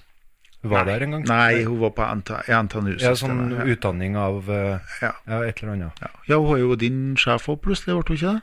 Eh, ja, ikke sjef, fordi at jeg jobber i privat barnehage. Ah. Men jeg har jo lyst til å si at uh, Fordi at det å komme inn i Trondheim kommune, som Klæbu har gjort, da eh, selv om vi har vært en privat barnehage, så har vi jo veldig mye med kommunen å gjøre. Og jeg, De fire nettverkene som du snakker om, det har vi jo også på barnehagesida. Ja. Eh, og jeg syns jo det er veldig artig å ha så mange samarbeidspartnere som vi har fått nå. Jeg, vi har hatt et veldig godt samarbeid i Klæbu på tvers av offentlig-privat, men det å komme inn i Trondheim kommune og ha mange flere, det er veldig artig. Jeg tenker at det må være en stor overgang for, eh, for alle som arbeider i eh, Klæbu. Det er at plutselig så Ops, der ble vi en, en bydel av Stor-Trondheim, liksom. Ja, og ja. Eller Storklæbu, da, som vi liker å si. Hva dere liker å si at dere er... Storklæbu. Storklæbu, ja, altså. Du har fått være med i Storklæbu. Ah, Ja. Kors, kors. ja. Nei, så, så Nei, jeg har også inntrykk av eh, Jeg opplever at du eh, framsnakka kommuneledelse og administrasjon, skoleeier, nå i forhold til det, den jobben ja, du har gjort. ja, sånn som det har vært nå, så syns jeg at eh, det har vært veldig bra, altså. Veldig mye bra. Ja, og jeg, jeg vet, jeg kan også bekrefte at de har, de har jobba mye, og, og det, har nok, eh, det har nok vært ting som vi har stussa på, men, men hvordan er det mulig å ikke, eller, si, gjøre alt rett i en situasjon der, Nei, altså her der man ikke har eh, Her hjemme, eh, opplevd dette her før? Uh, det er jo helt nye rutiner. Sant. Mm. Der logga jeg inn på PlayStation og fikk uh, utvida spilletida. Gjorde du det? Det er utrolig hva man kan få til Ja. i en 200 år gammel stue, og nå blir det stille fra gutten. Eh, det blir glede, håper jeg. Det blir glede. Har du sendt en melding da, eller om at nå er det En fritt vilt? en heim alene, eller? Nei, han er ikke det, men eh, det er begrensa. Jeg er PlayStation-leder. Oh, ja. Jeg har eh, kontroll på det der. Det er det du får bestemme over PlayStation, liksom? Det er delegert ansvar og myndighet etter evne. Ja, så har vi jo ordna en ny ordning. I den her eh, tida med hjemmekontor så syns jeg det ble litt for mye hjemmekontor. Ikke noe på barna. Jeg er ikke noe glad i den her eh, sammenligninga med at å huske på kroppen vår eh, var sånn og sånn når vi var huleboere, og vi må leve sånn og sånn for å tilfredsstille kroppen og sånn der. Men jeg tenker i bunn og grunn så har denne 13-åringen akkurat samme kropp som en 13-åring hadde for eh, 100 000 år siden, eller noe sånt. Ja. Veldig lite som har skjedd eh, sånn evolusjonsmessig.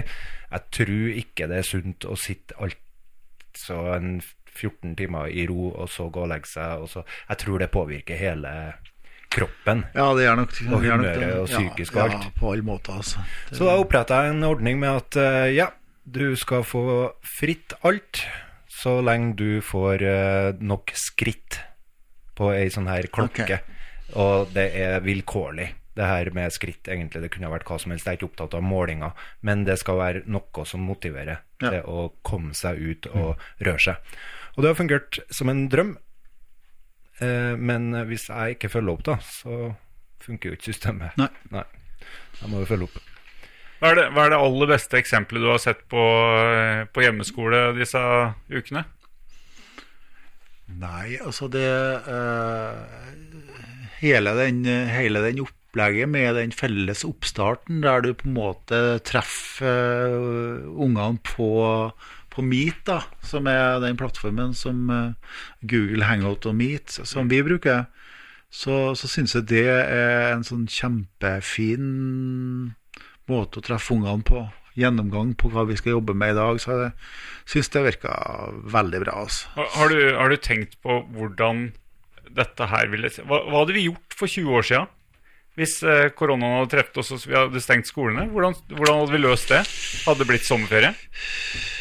Ja, si det. Det, det var et godt spørsmål. Vi har jo Ja. Vi har iallfall ikke hatt de mulighetene som den teknologien som er nå, har gitt oss. Og jeg tenker jo det at eh, tenk, altså, Hvis man ser på en stor organisasjon som NTNU, da jeg bare tenker på, Hvis man skulle gjort det IKT-løftet her inn i NTNU, hva det har kommet til å koste. Det har kommet til å koste det hvite ut av øyet, pluss at sannsynligvis det har sett i x antall hva tror jeg sier godt voksne menn, er lov å si det, som har tenkt at nei, det skal jeg pinadø ikke være med på. Og nå er de faktisk nødt. De er faktisk nødt til å være med, for det er eneste måten de kan gjøre det på. Ja. Så må bare ta det sammen og gønne på. Men hva vi har gjort for eh, i 19, hva det blir da, i 2000? Hva har vi da? Vi hadde e-post, så vidt. Ja, vi hadde, e-post. Ja, men altså, vi hadde, det var vel noe Ja, det- sånn det der, det det, var noe sånn der sånn chattegreier. Ja da. Jeg, SMS-skole. Ja, altså, dat nei, men ikke SMS, men altså, dattera mi var jo Hun var jo ja. var jo på Nettby og hva det nå heter, de kanalene der. Nettby, ja. Ja, det var VGs uh, sjette Ja, jeg har hatt mange timer på det som kalles IRC. Mhm. Veldig mange timer på chat. Det var der jeg lærte meg å skrive omtrent. Interrail Nei, Internett Relay Chat. Har jeg rett? Ja, ja. Oh my ja. Nei, jeg, jeg, det hadde vært eh, Kanskje blitt noe sånt, da. Ja. Kanskje. Det Altså, verden er jo totalt forandra. Og nå blir vi gamle menn eh, igjen. For vi har vel vært innom noe sånt før. Men, men jeg, jeg, snakka, jeg tror jeg snakka med unga om, om når folk var på ferie før i tida. Og når man ikke hadde mobiltelefon, og det er jo ikke Altså, før i tida kan vi jo si, men det er jo ikke så fryktelig fryktelig lenge sida, da. Nei. Og, og det hadde skjedd noe. Og de, eh, de da eh, sendte beskjed til reiseradioen, som leste opp på radioen eh, Kan den og den ringe hjem? Far din er død. Eller kanskje ikke tok med den siste, men Vi har en melding til Ole Olsen, som er på ferie på Vestlandet i en blå Citroën. Var det sånn? Du må ringe hjem. Din far er død. Ja, men det var omtrent sånn. Ja, jeg, jeg husker det var helt sånn skjellsettende. Jeg satt og hørte på her. Okay, det var, ja. Men det var jo den måten du kunne få tak i folk på, da. Ja. Ja, men Jeg tenker, tenk så deilig. Og, og her, er det, her er det når jeg går hjemmefra uten den kroppsdelen som ligger i lomma, mm. eller akkurat nå i vinduskarmen her. Eh, altså, man får en sånn her følelse av, eh, av at noe mangler. Ja. Litt Syborg. Kyborg. Ja, Hvordan det uttales? Jeg vet ikke. Halvt menneske, halvt Ja, maskin. men når den er borte, så har man ikke det. Nei. Men i forhold til læring, da. Eh, eh, vi har åpna skolene igjen, skal i hvert fall gjøre det straks. Eh, noen elever har nok sittet hjemme og opplevd at eh, læringa deres faktisk har eh, funka bedre. ja. Tror du vi evner å ta med oss noe inn i eh, en vanlig skolehverdag? ja, jeg tror faktisk det. Jeg tror at eh, Hvis vi tenker litt i retning av uh, dem som har eh, noe sånn som ligner på skolevegring, så vil det være en helt annen måte å kunne møte dem på nå. eh, for at nå tenker man ja, men herregud, kan ikke vi bare treffes på Meet, da? Ja. Og så blir den veien fram mot skole kanskje faktisk eh, enda bedre, da. Ja. Ja, for det går an nå å Ja. tenke at du kan få et utbytte Ja, av det. Ja, for man har hele tida vært veldig på den her med at eh, ja, du må få vedkommende tilbake på skolen, du må få en fysisk tilbake på skolen. Ja, må få kjøttet til å møtes. Ja, og så Vi hadde jo en situasjon der vi nå Det var en unge som ikke kunne møte. Og da var jeg sånn Ja, men herregud, han kan jo være med via Chromebook. Så da var ungen med, satt og jobba i klasserommet. Ja. Og var på Chromebook, liksom. Sammen med bestekompisen sin. Så det er Ja, Blir det lettere å søke om, eh, søke om fritak en uke for å dra på ferie? Altså Nå har jeg alltid vært sånn at jeg tenker at det har jeg sagt til folk, at jeg begynner ikke å blande meg borti om hvorfor du ikke skal være på skolen. Det er jo en del eh, reisende i, i skolekretsen, og jeg, kan ikke sitte og vurdere og bruke tida på, mi på om de skal få lov til å reise eller ikke. Det, det Sier du det? Ja, nei det, Du er ikke redd for å skape presedens? Dårlig, President. dårlig, Dårlig president. Uh, nei, jeg tenker det at eh, det må også være opp til enkelte. Altså. Hvis dere mener at dere tar på dere undervisninga sjøl en eh, 14 dagers tid, så, så får dere gjøre det, da. Ja. Ja. Eh, Ja, det må bli lettere nå. Ja, I hvert fall, altså, nå, nå har jo alle det, så da er det lettere å si at vi eh, Fordi at opplegget er Det spiller jo ikke noen rolle hvor du sitter, og derfor var jo jeg på hytta forrige uke og hadde med meg en av unga, og læreren visste jo ikke at eh, hun satt på hytta den ene dagen. eh, satt på et eh, hotellrom dag nummer to og gikk seg en tur, og så satt på flyplass og var på skole. Eh, det er jo ikke sikkert at, uh, at kvaliteten ble like god når man bevega seg på den måten, men, jo, på hytta, hytta var det bra. Det var jo ikke noe forskjell. Men altså, læringsstiler og, og tilnærming til læring er så forskjellig. Så sant? For at, altså, det, og det at man sitter i et klasserom, og det er dørgende stille, og det er 20 elever som er jo én lærer. Ikke sikkert at det foregår noe som helst inni det klasserommet. Det kan hende at det er absolutt ingenting av læring som foregår, det er bare stilt. Uh, og det her med å stå i klasserom og være en formidlings... Uh, og drive på med formidlingspedagogikk som uh, utgangspunkt eh, er, det, det er ikke sånn at det er Det er ikke noe forskning som tilsier at det er en god måte å lære på. Snarere tvert imot. Det En gang til. Gjenta det. Nei, det å formidle noe fra kateteret, eller fra tavla, Ja. er i utgangspunktet Det er ingen forskning som sier at det er en spesielt god måte å lære på. Men det er veldig godt for lærerne, da. Ja, det er godt for lærerne. Og det for noen elever så funker det utmerket, men for mange elever så funker ikke det noe spesielt godt. Nei. Så jeg skjønner det, at det, og det er en fin sånn øyeåpner, det å få kjenne at det, det er gjennom den situasjonen vi har nå, så er det noen som blomstrer, og som lærer på en mye bedre måte. Ja. Mange som ikke gjør det. Det er mange som absolutt ikke lærer på en mye bedre måte. Men det er noen som lærer på en mye bedre måte. Eh, for, du spurte om beste læringsopplegg, gjorde du det, Mm. Som du hadde sett? Ja, ja, ja, ja. Ja, jeg syns det som jeg ikke liker, som jeg har sett nå, det har vært de her eh, eh, oppleggene som ser ut som det er utforma for at det skal være mulig for læreren å vurdere om det har blitt gjort eller ikke. At det er nesten som en sånn avkrysning. Okay. Altså du leser en tekst, og så får du et spørsmål som eh, hvor, hva, hva var klokka da Lise gikk til butikken? Og så går du i teksten, og så fører du inn klokka var 16, og sånt. Eh, det syns jeg er dårlig. Dårlige oppgaver, rett og slett. Eh, Det skjer ikke på midtskift, nei. mens de her oppgavene som jeg så litt i starten, når det var litt eh, mer uh, uklart hvordan det her uh, skulle gjøres, jeg regner med lærerne følte at de var kasta inn i noe som de ikke hadde peiling på hvordan de skulle gjøre, før de hadde lest 1000 nydelige, gode, kjempesmarte undervisningsopplegg på Facebook som deles. Jakta på undervisningsopplegg som er bra. Åh. Det var mer sånn eh, oppgaver som eh, ja, å skrive en novelle, f.eks. Mm. Det er jo umulig å vurdere eh, uten at du må bruke ganske mye tid på det. Tror jeg nok at uh, Krevende for en lærer. Og, men, Ja. men veldig mye læring i det. Og, og kanskje av og til så lærer elevene noe som læreren ikke kunne forutse i det hele tatt. Vi er nå veldig opptatt i hvert fall at vi skal gi elevene gode kriterier. Vi skal utvikle gode kriterier for hva som er, skal vurderes. Ja, Men da skal du alltid forutse, da.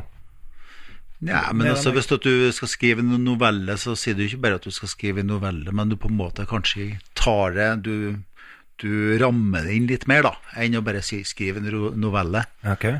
Sånn at du på en måte kanskje kan bevege deg litt mot kanskje sjanger. Men I hvert fall skal du reflektere over det, sånn at eh, folk har en klar oppfatning av hva som er forventa av dem. At elevene har en klar oppfatning av det. Det er jo kjempeviktig i forhold til vurderingsarbeid, tenker jeg da. For det var oppgaven jeg alltid valgte. Skrive en novelle. Ja. Ikke noe mer enn det.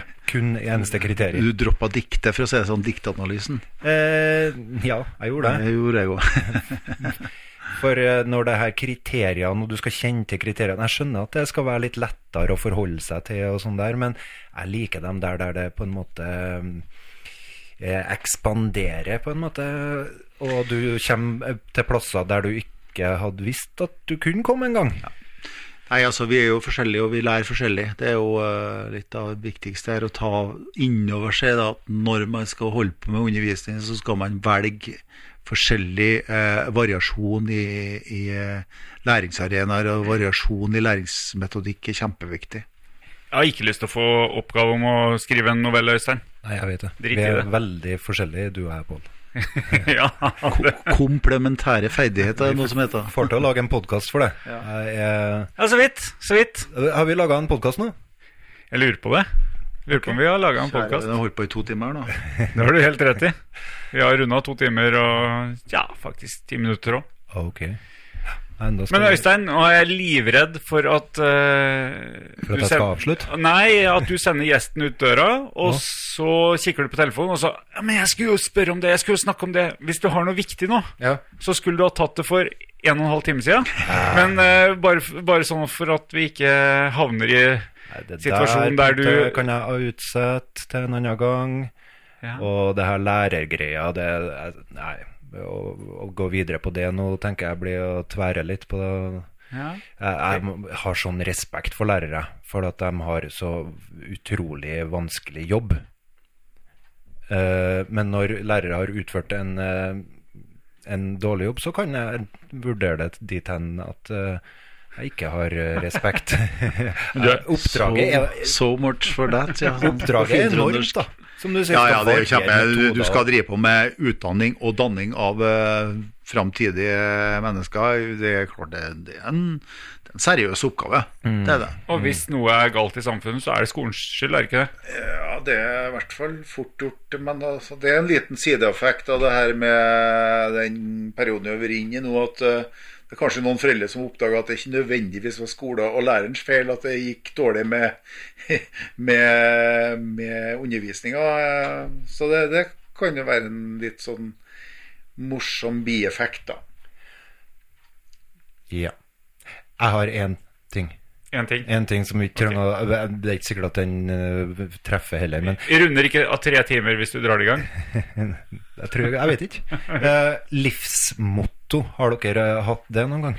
Et, har dere et sånn motto for livet? Noe sånn, Den her måten lever jeg på, det, og det her er min Kan jeg spørre først, hvorfor kom det opp nå, Øystein? altså, i, I denne episoden, eller hvorfor Er, er det noe som skjer i livet ditt akkurat nå som du Nei. trenger litt motivasjon? Nei, eh, nei jeg trenger ikke motivasjon. Men Episode 30-spørsmål, er det ikke? Ja. Det er, det er et typisk episode 30-spørsmål. Ja, et livsmotto. Ha, ja, nei, har dere et sånt motto som du lever etter, som du òg vil oppmuntre andre til å leve etter, og det her er lurt, det, du må alltid gjøre det her. Vær snill og grei, eller noe sånt der. Aldri gjør feil! liksom. Pass på at du aldri blir kritisert, for eksempel. Ja, Vær uangripelig. den, den har jeg levd etter ganske mye. Nå har jeg endra livsmottoet mitt. Da. Kan du skylde på andre? Hæ? kan du skylde på andre? Det du kan skylde på andre, gjør det. Nei, jeg har et eh, Altså, det, det Jeg har et uh, li... Se her, nå kan jeg dytte den Jeg har et lite Ta, bare ta den avslappa holdninga bakover der. Litt bakoverlent, ja. Ja. Uh, det er jo for så vidt tatt, men jeg legger noe i det noe annet enn det som Rema 1000. Men eh, det er sluttsummen som teller, har jeg brukt av og til som eh, litt sånn uh, tanke sjøl, da. Ja. Men det er overført i eh, mer i human kapital enn i sluttsummen bokstavelig talt i kassen, da. Okay. Men mer at det, det arbeidet du legger ned Ok, det, det må være rom for at det er ikke alt som er strøkent, men at det er faktisk eh, summen av det som er tellende, da. Sånn at jeg gjør så godt man kan, og så og Det er litt sånn Men du ser ikke bort fra prosessen, da? Veien. Veien? Nei, prosessen. absolutt ikke, altså. Absolutt ikke. Men eh, det har jo jeg hatt med meg litt av og til, at det, det, det, er ingen, det er ingen som er perfekt, på en måte. Det, men også gjør så godt man kan, da. Ja. Er du religiøs, Sten Frode? Mm, Nei, ikke spesielt. Enn du, Pål? jeg gleder meg sånn til religion-episoden vår. Det er- det er tatt den ennå. Det er et, ja, ha til, den, ja. til vane, eh, tilbakevendende spørsmål. Må ikke spørre meg om kom det er ikke det at det er ikke noe sånn annet, men det er mer ja. Det er litt sånn Det kan godt hende at det er noe der ute. Du er ikke Jehovas? Nei. Nei, Du er ikke sånn knytta til en eh, kirke? Eller? Ikke verken eh, påskekameraten eller pinsevennene eller Og vi har fått med det at dialekter bruker du for at det skulle være ekte. Det føles mer ekte. Ja. Det kommuniserer den du er, på en måte. Ja. Men, men eh, du, du sa du hadde bytta livsmotto. ja. Vi er jo nysgjerrig på det, er vi ikke det? Det er ikke sikkert det, Pål. Nei, Jeg kan godt ta det er ikke sikkert vi er det. Nei. Men kan du ikke bare ta det? Jo, eh, livsmottoet. Ja. Jo, eh, så når jeg var 16-17 år, så hadde jeg en kompis som sa at jeg måtte gjøre det andre forventer av meg. Og så kan jeg gjøre hva jeg vil ellers. Så, så lenge du får ferdig og får gjort unna det som andre forventer av deg, så kan du gjøre alt du vil ellers. Og det stemmer jo, til en viss grad. Men det har jeg på en måte nå lagt litt ifra meg. Jeg har innsett at det var en tabbe. For at uh, idet du gjør det andre forventer av deg, så blir du ganske opphengt i å gjøre det bra òg. Og til slutt står du i det, opp til knærne, og du bruker ganske mye av tida di, og all av tida di, på å gjøre det andre forventer av deg. Og så glemmer du av deg sjøl oppi det hele. Så der har jeg funnet ut at det var en tabbe. Jeg tror det er litt farlig å ikke, ikke ta tak i det du egentlig brenner for sjøl. Mer enn det andre brenner for at du skal bli og gjøre. Så jeg har kasta det livsmottoet, som jeg har råda veldig mange andre til òg. Bare få unna det som andre forventer av deg, så, så kan du gjøre det andre tullet som du snakka om. Nå har jeg gått litt bort ifra den, Pål. Men, eh, men eh, det er ingen andre som sier at du skal drive podkast, så det regner jeg med vi fortsetter med. Episode både 31, 32 og 33. Ja. Veldig bra. Det var Jeg har, jeg har ikke noe livsmotto å komme med. Jeg har knapt nok et liv, så det skal gå bra. Du har knapt liv. Nei, det var bare tull. Ja, det var- Det var bare flåst sagt. Ja, teit slutt. Trist. Men det ble en trist slutt. Kjempetrist. Jeg skal spille den her nydelige Ja, men du må vente. Vi må takke. Å, Takke for hvem, da? Hvem må vi takke? Ja. Nei, helt Takk for at du kom- ville komme, Sten Frode. Gjør mot andre som andre forventer av deg. Eller noe. Eller Og vi må nevne en gang til Vinylekspressen har Ja, ja, ja. en kjempeenkel eh, oppskrift hvis du vil ha vinylplater. Ja, Vi kommer jo til å linke og, og tagge og alt mulig rart, Sant. eh, sånn at eh, det skal være mulig å finne Så hvis du vil høre mer av den musikken her, og har lyst på plata, som jeg anbefaler, for det er noe spesielt å sitte og holde i et stort cover. Vinyl, vet du. Det, Eh, Jeg, jeg til og med fikk litt mer respekt for CD her, for jeg var ute i bua mi og måtte lete opp et CD-cover her. For jeg, lik- jeg var ikke fornøyd med det jeg fant på nett. Så det å ha et produkt i handa Ja. og lese tekstene, det er noe annet enn å sitte og streame det. Men det blir litt lettere tilgjengelig den 20. mai. det blir det. Og Men, du, men eh, også en ting som du ikke har sagt datoen på. Det var, eh, det var eh, live uh, Mm. Fins det en dato på det òg, eller? Samme dag. 20. mai? Ja. Okay. Og det, det Da finner man på Facebook-sida di. Ja, vi skal lage en eh, teaser på det i morgen. Ja. Sånn at eh, da blir det Da skal vi For vi skal strømme fra Litteraturhuset i Trondheim. Akkurat. Sånn at da skal vi ned og lage en uh, liten sånn uh, Erte opp litt, grann, så folk får lyst til å se det, kanskje. Kult. Da skal vi tagge litteraturhistorien. Litteraturhistorien. Huset. Ja, vi Hele historien, faktisk. Ja, jeg skal tagge den. Supert. Uh, tusen takk til alle våre lyttere som har lytta, og som uh, fortsetter å lytte, og som gir kommentarer. Vi har ennå ikke fått noen anmeldelse. Nei, vi vi. elsker å få en liten lyd om at uh, dere eksisterer der ute. Ja, det får vi jo. Faktisk. Ja, ja, men vi, vi, både fra dere som gjør det til vanlig, og dere vi ser i statistikken som er der, men som vi ikke hører noe fra. Ja. Vi lurer veldig på hvem dere er, og hva dere tenker. Ja, og jeg har fått teksta nå, eller meldt eh, familietreet til Donald Duck, for det var ikke godt nok det her. Ok, Det får vi ta opp. Det får vi ta senere. Eh, og også om hvordan fugler formerer seg. Det har vi òg fått oppklart, men det skal vi ta, la ligge. Vi får ta tak i litt sånne ting etter hvert. Ja, vi eh, får gjøre det. Og så runder vi av der. Og så håper jeg min sønn eh, sitter og er fornøyd hjemme og jeg ikke får masse kjeft. Det er godt gjort, altså. Han har faktisk klart å få far min til å skrive en lapp og komme i vinduet her og fortelle meg hva jeg skal gjøre. Det var da jeg kom på dette med, med reiseradioen og ja. kom, få beskjed via, noe, via et annet medium enn det å bare tekste av gårde. Jeg gir han kred for eh, Ja, innsatsen. God innsats. Han fortjente litt mer eh, PlayStation-tid. Kudos. Absolutt. Kjempetrivelig å treffe deg igjen, Sten Frode. Ja, likeså, Øystein.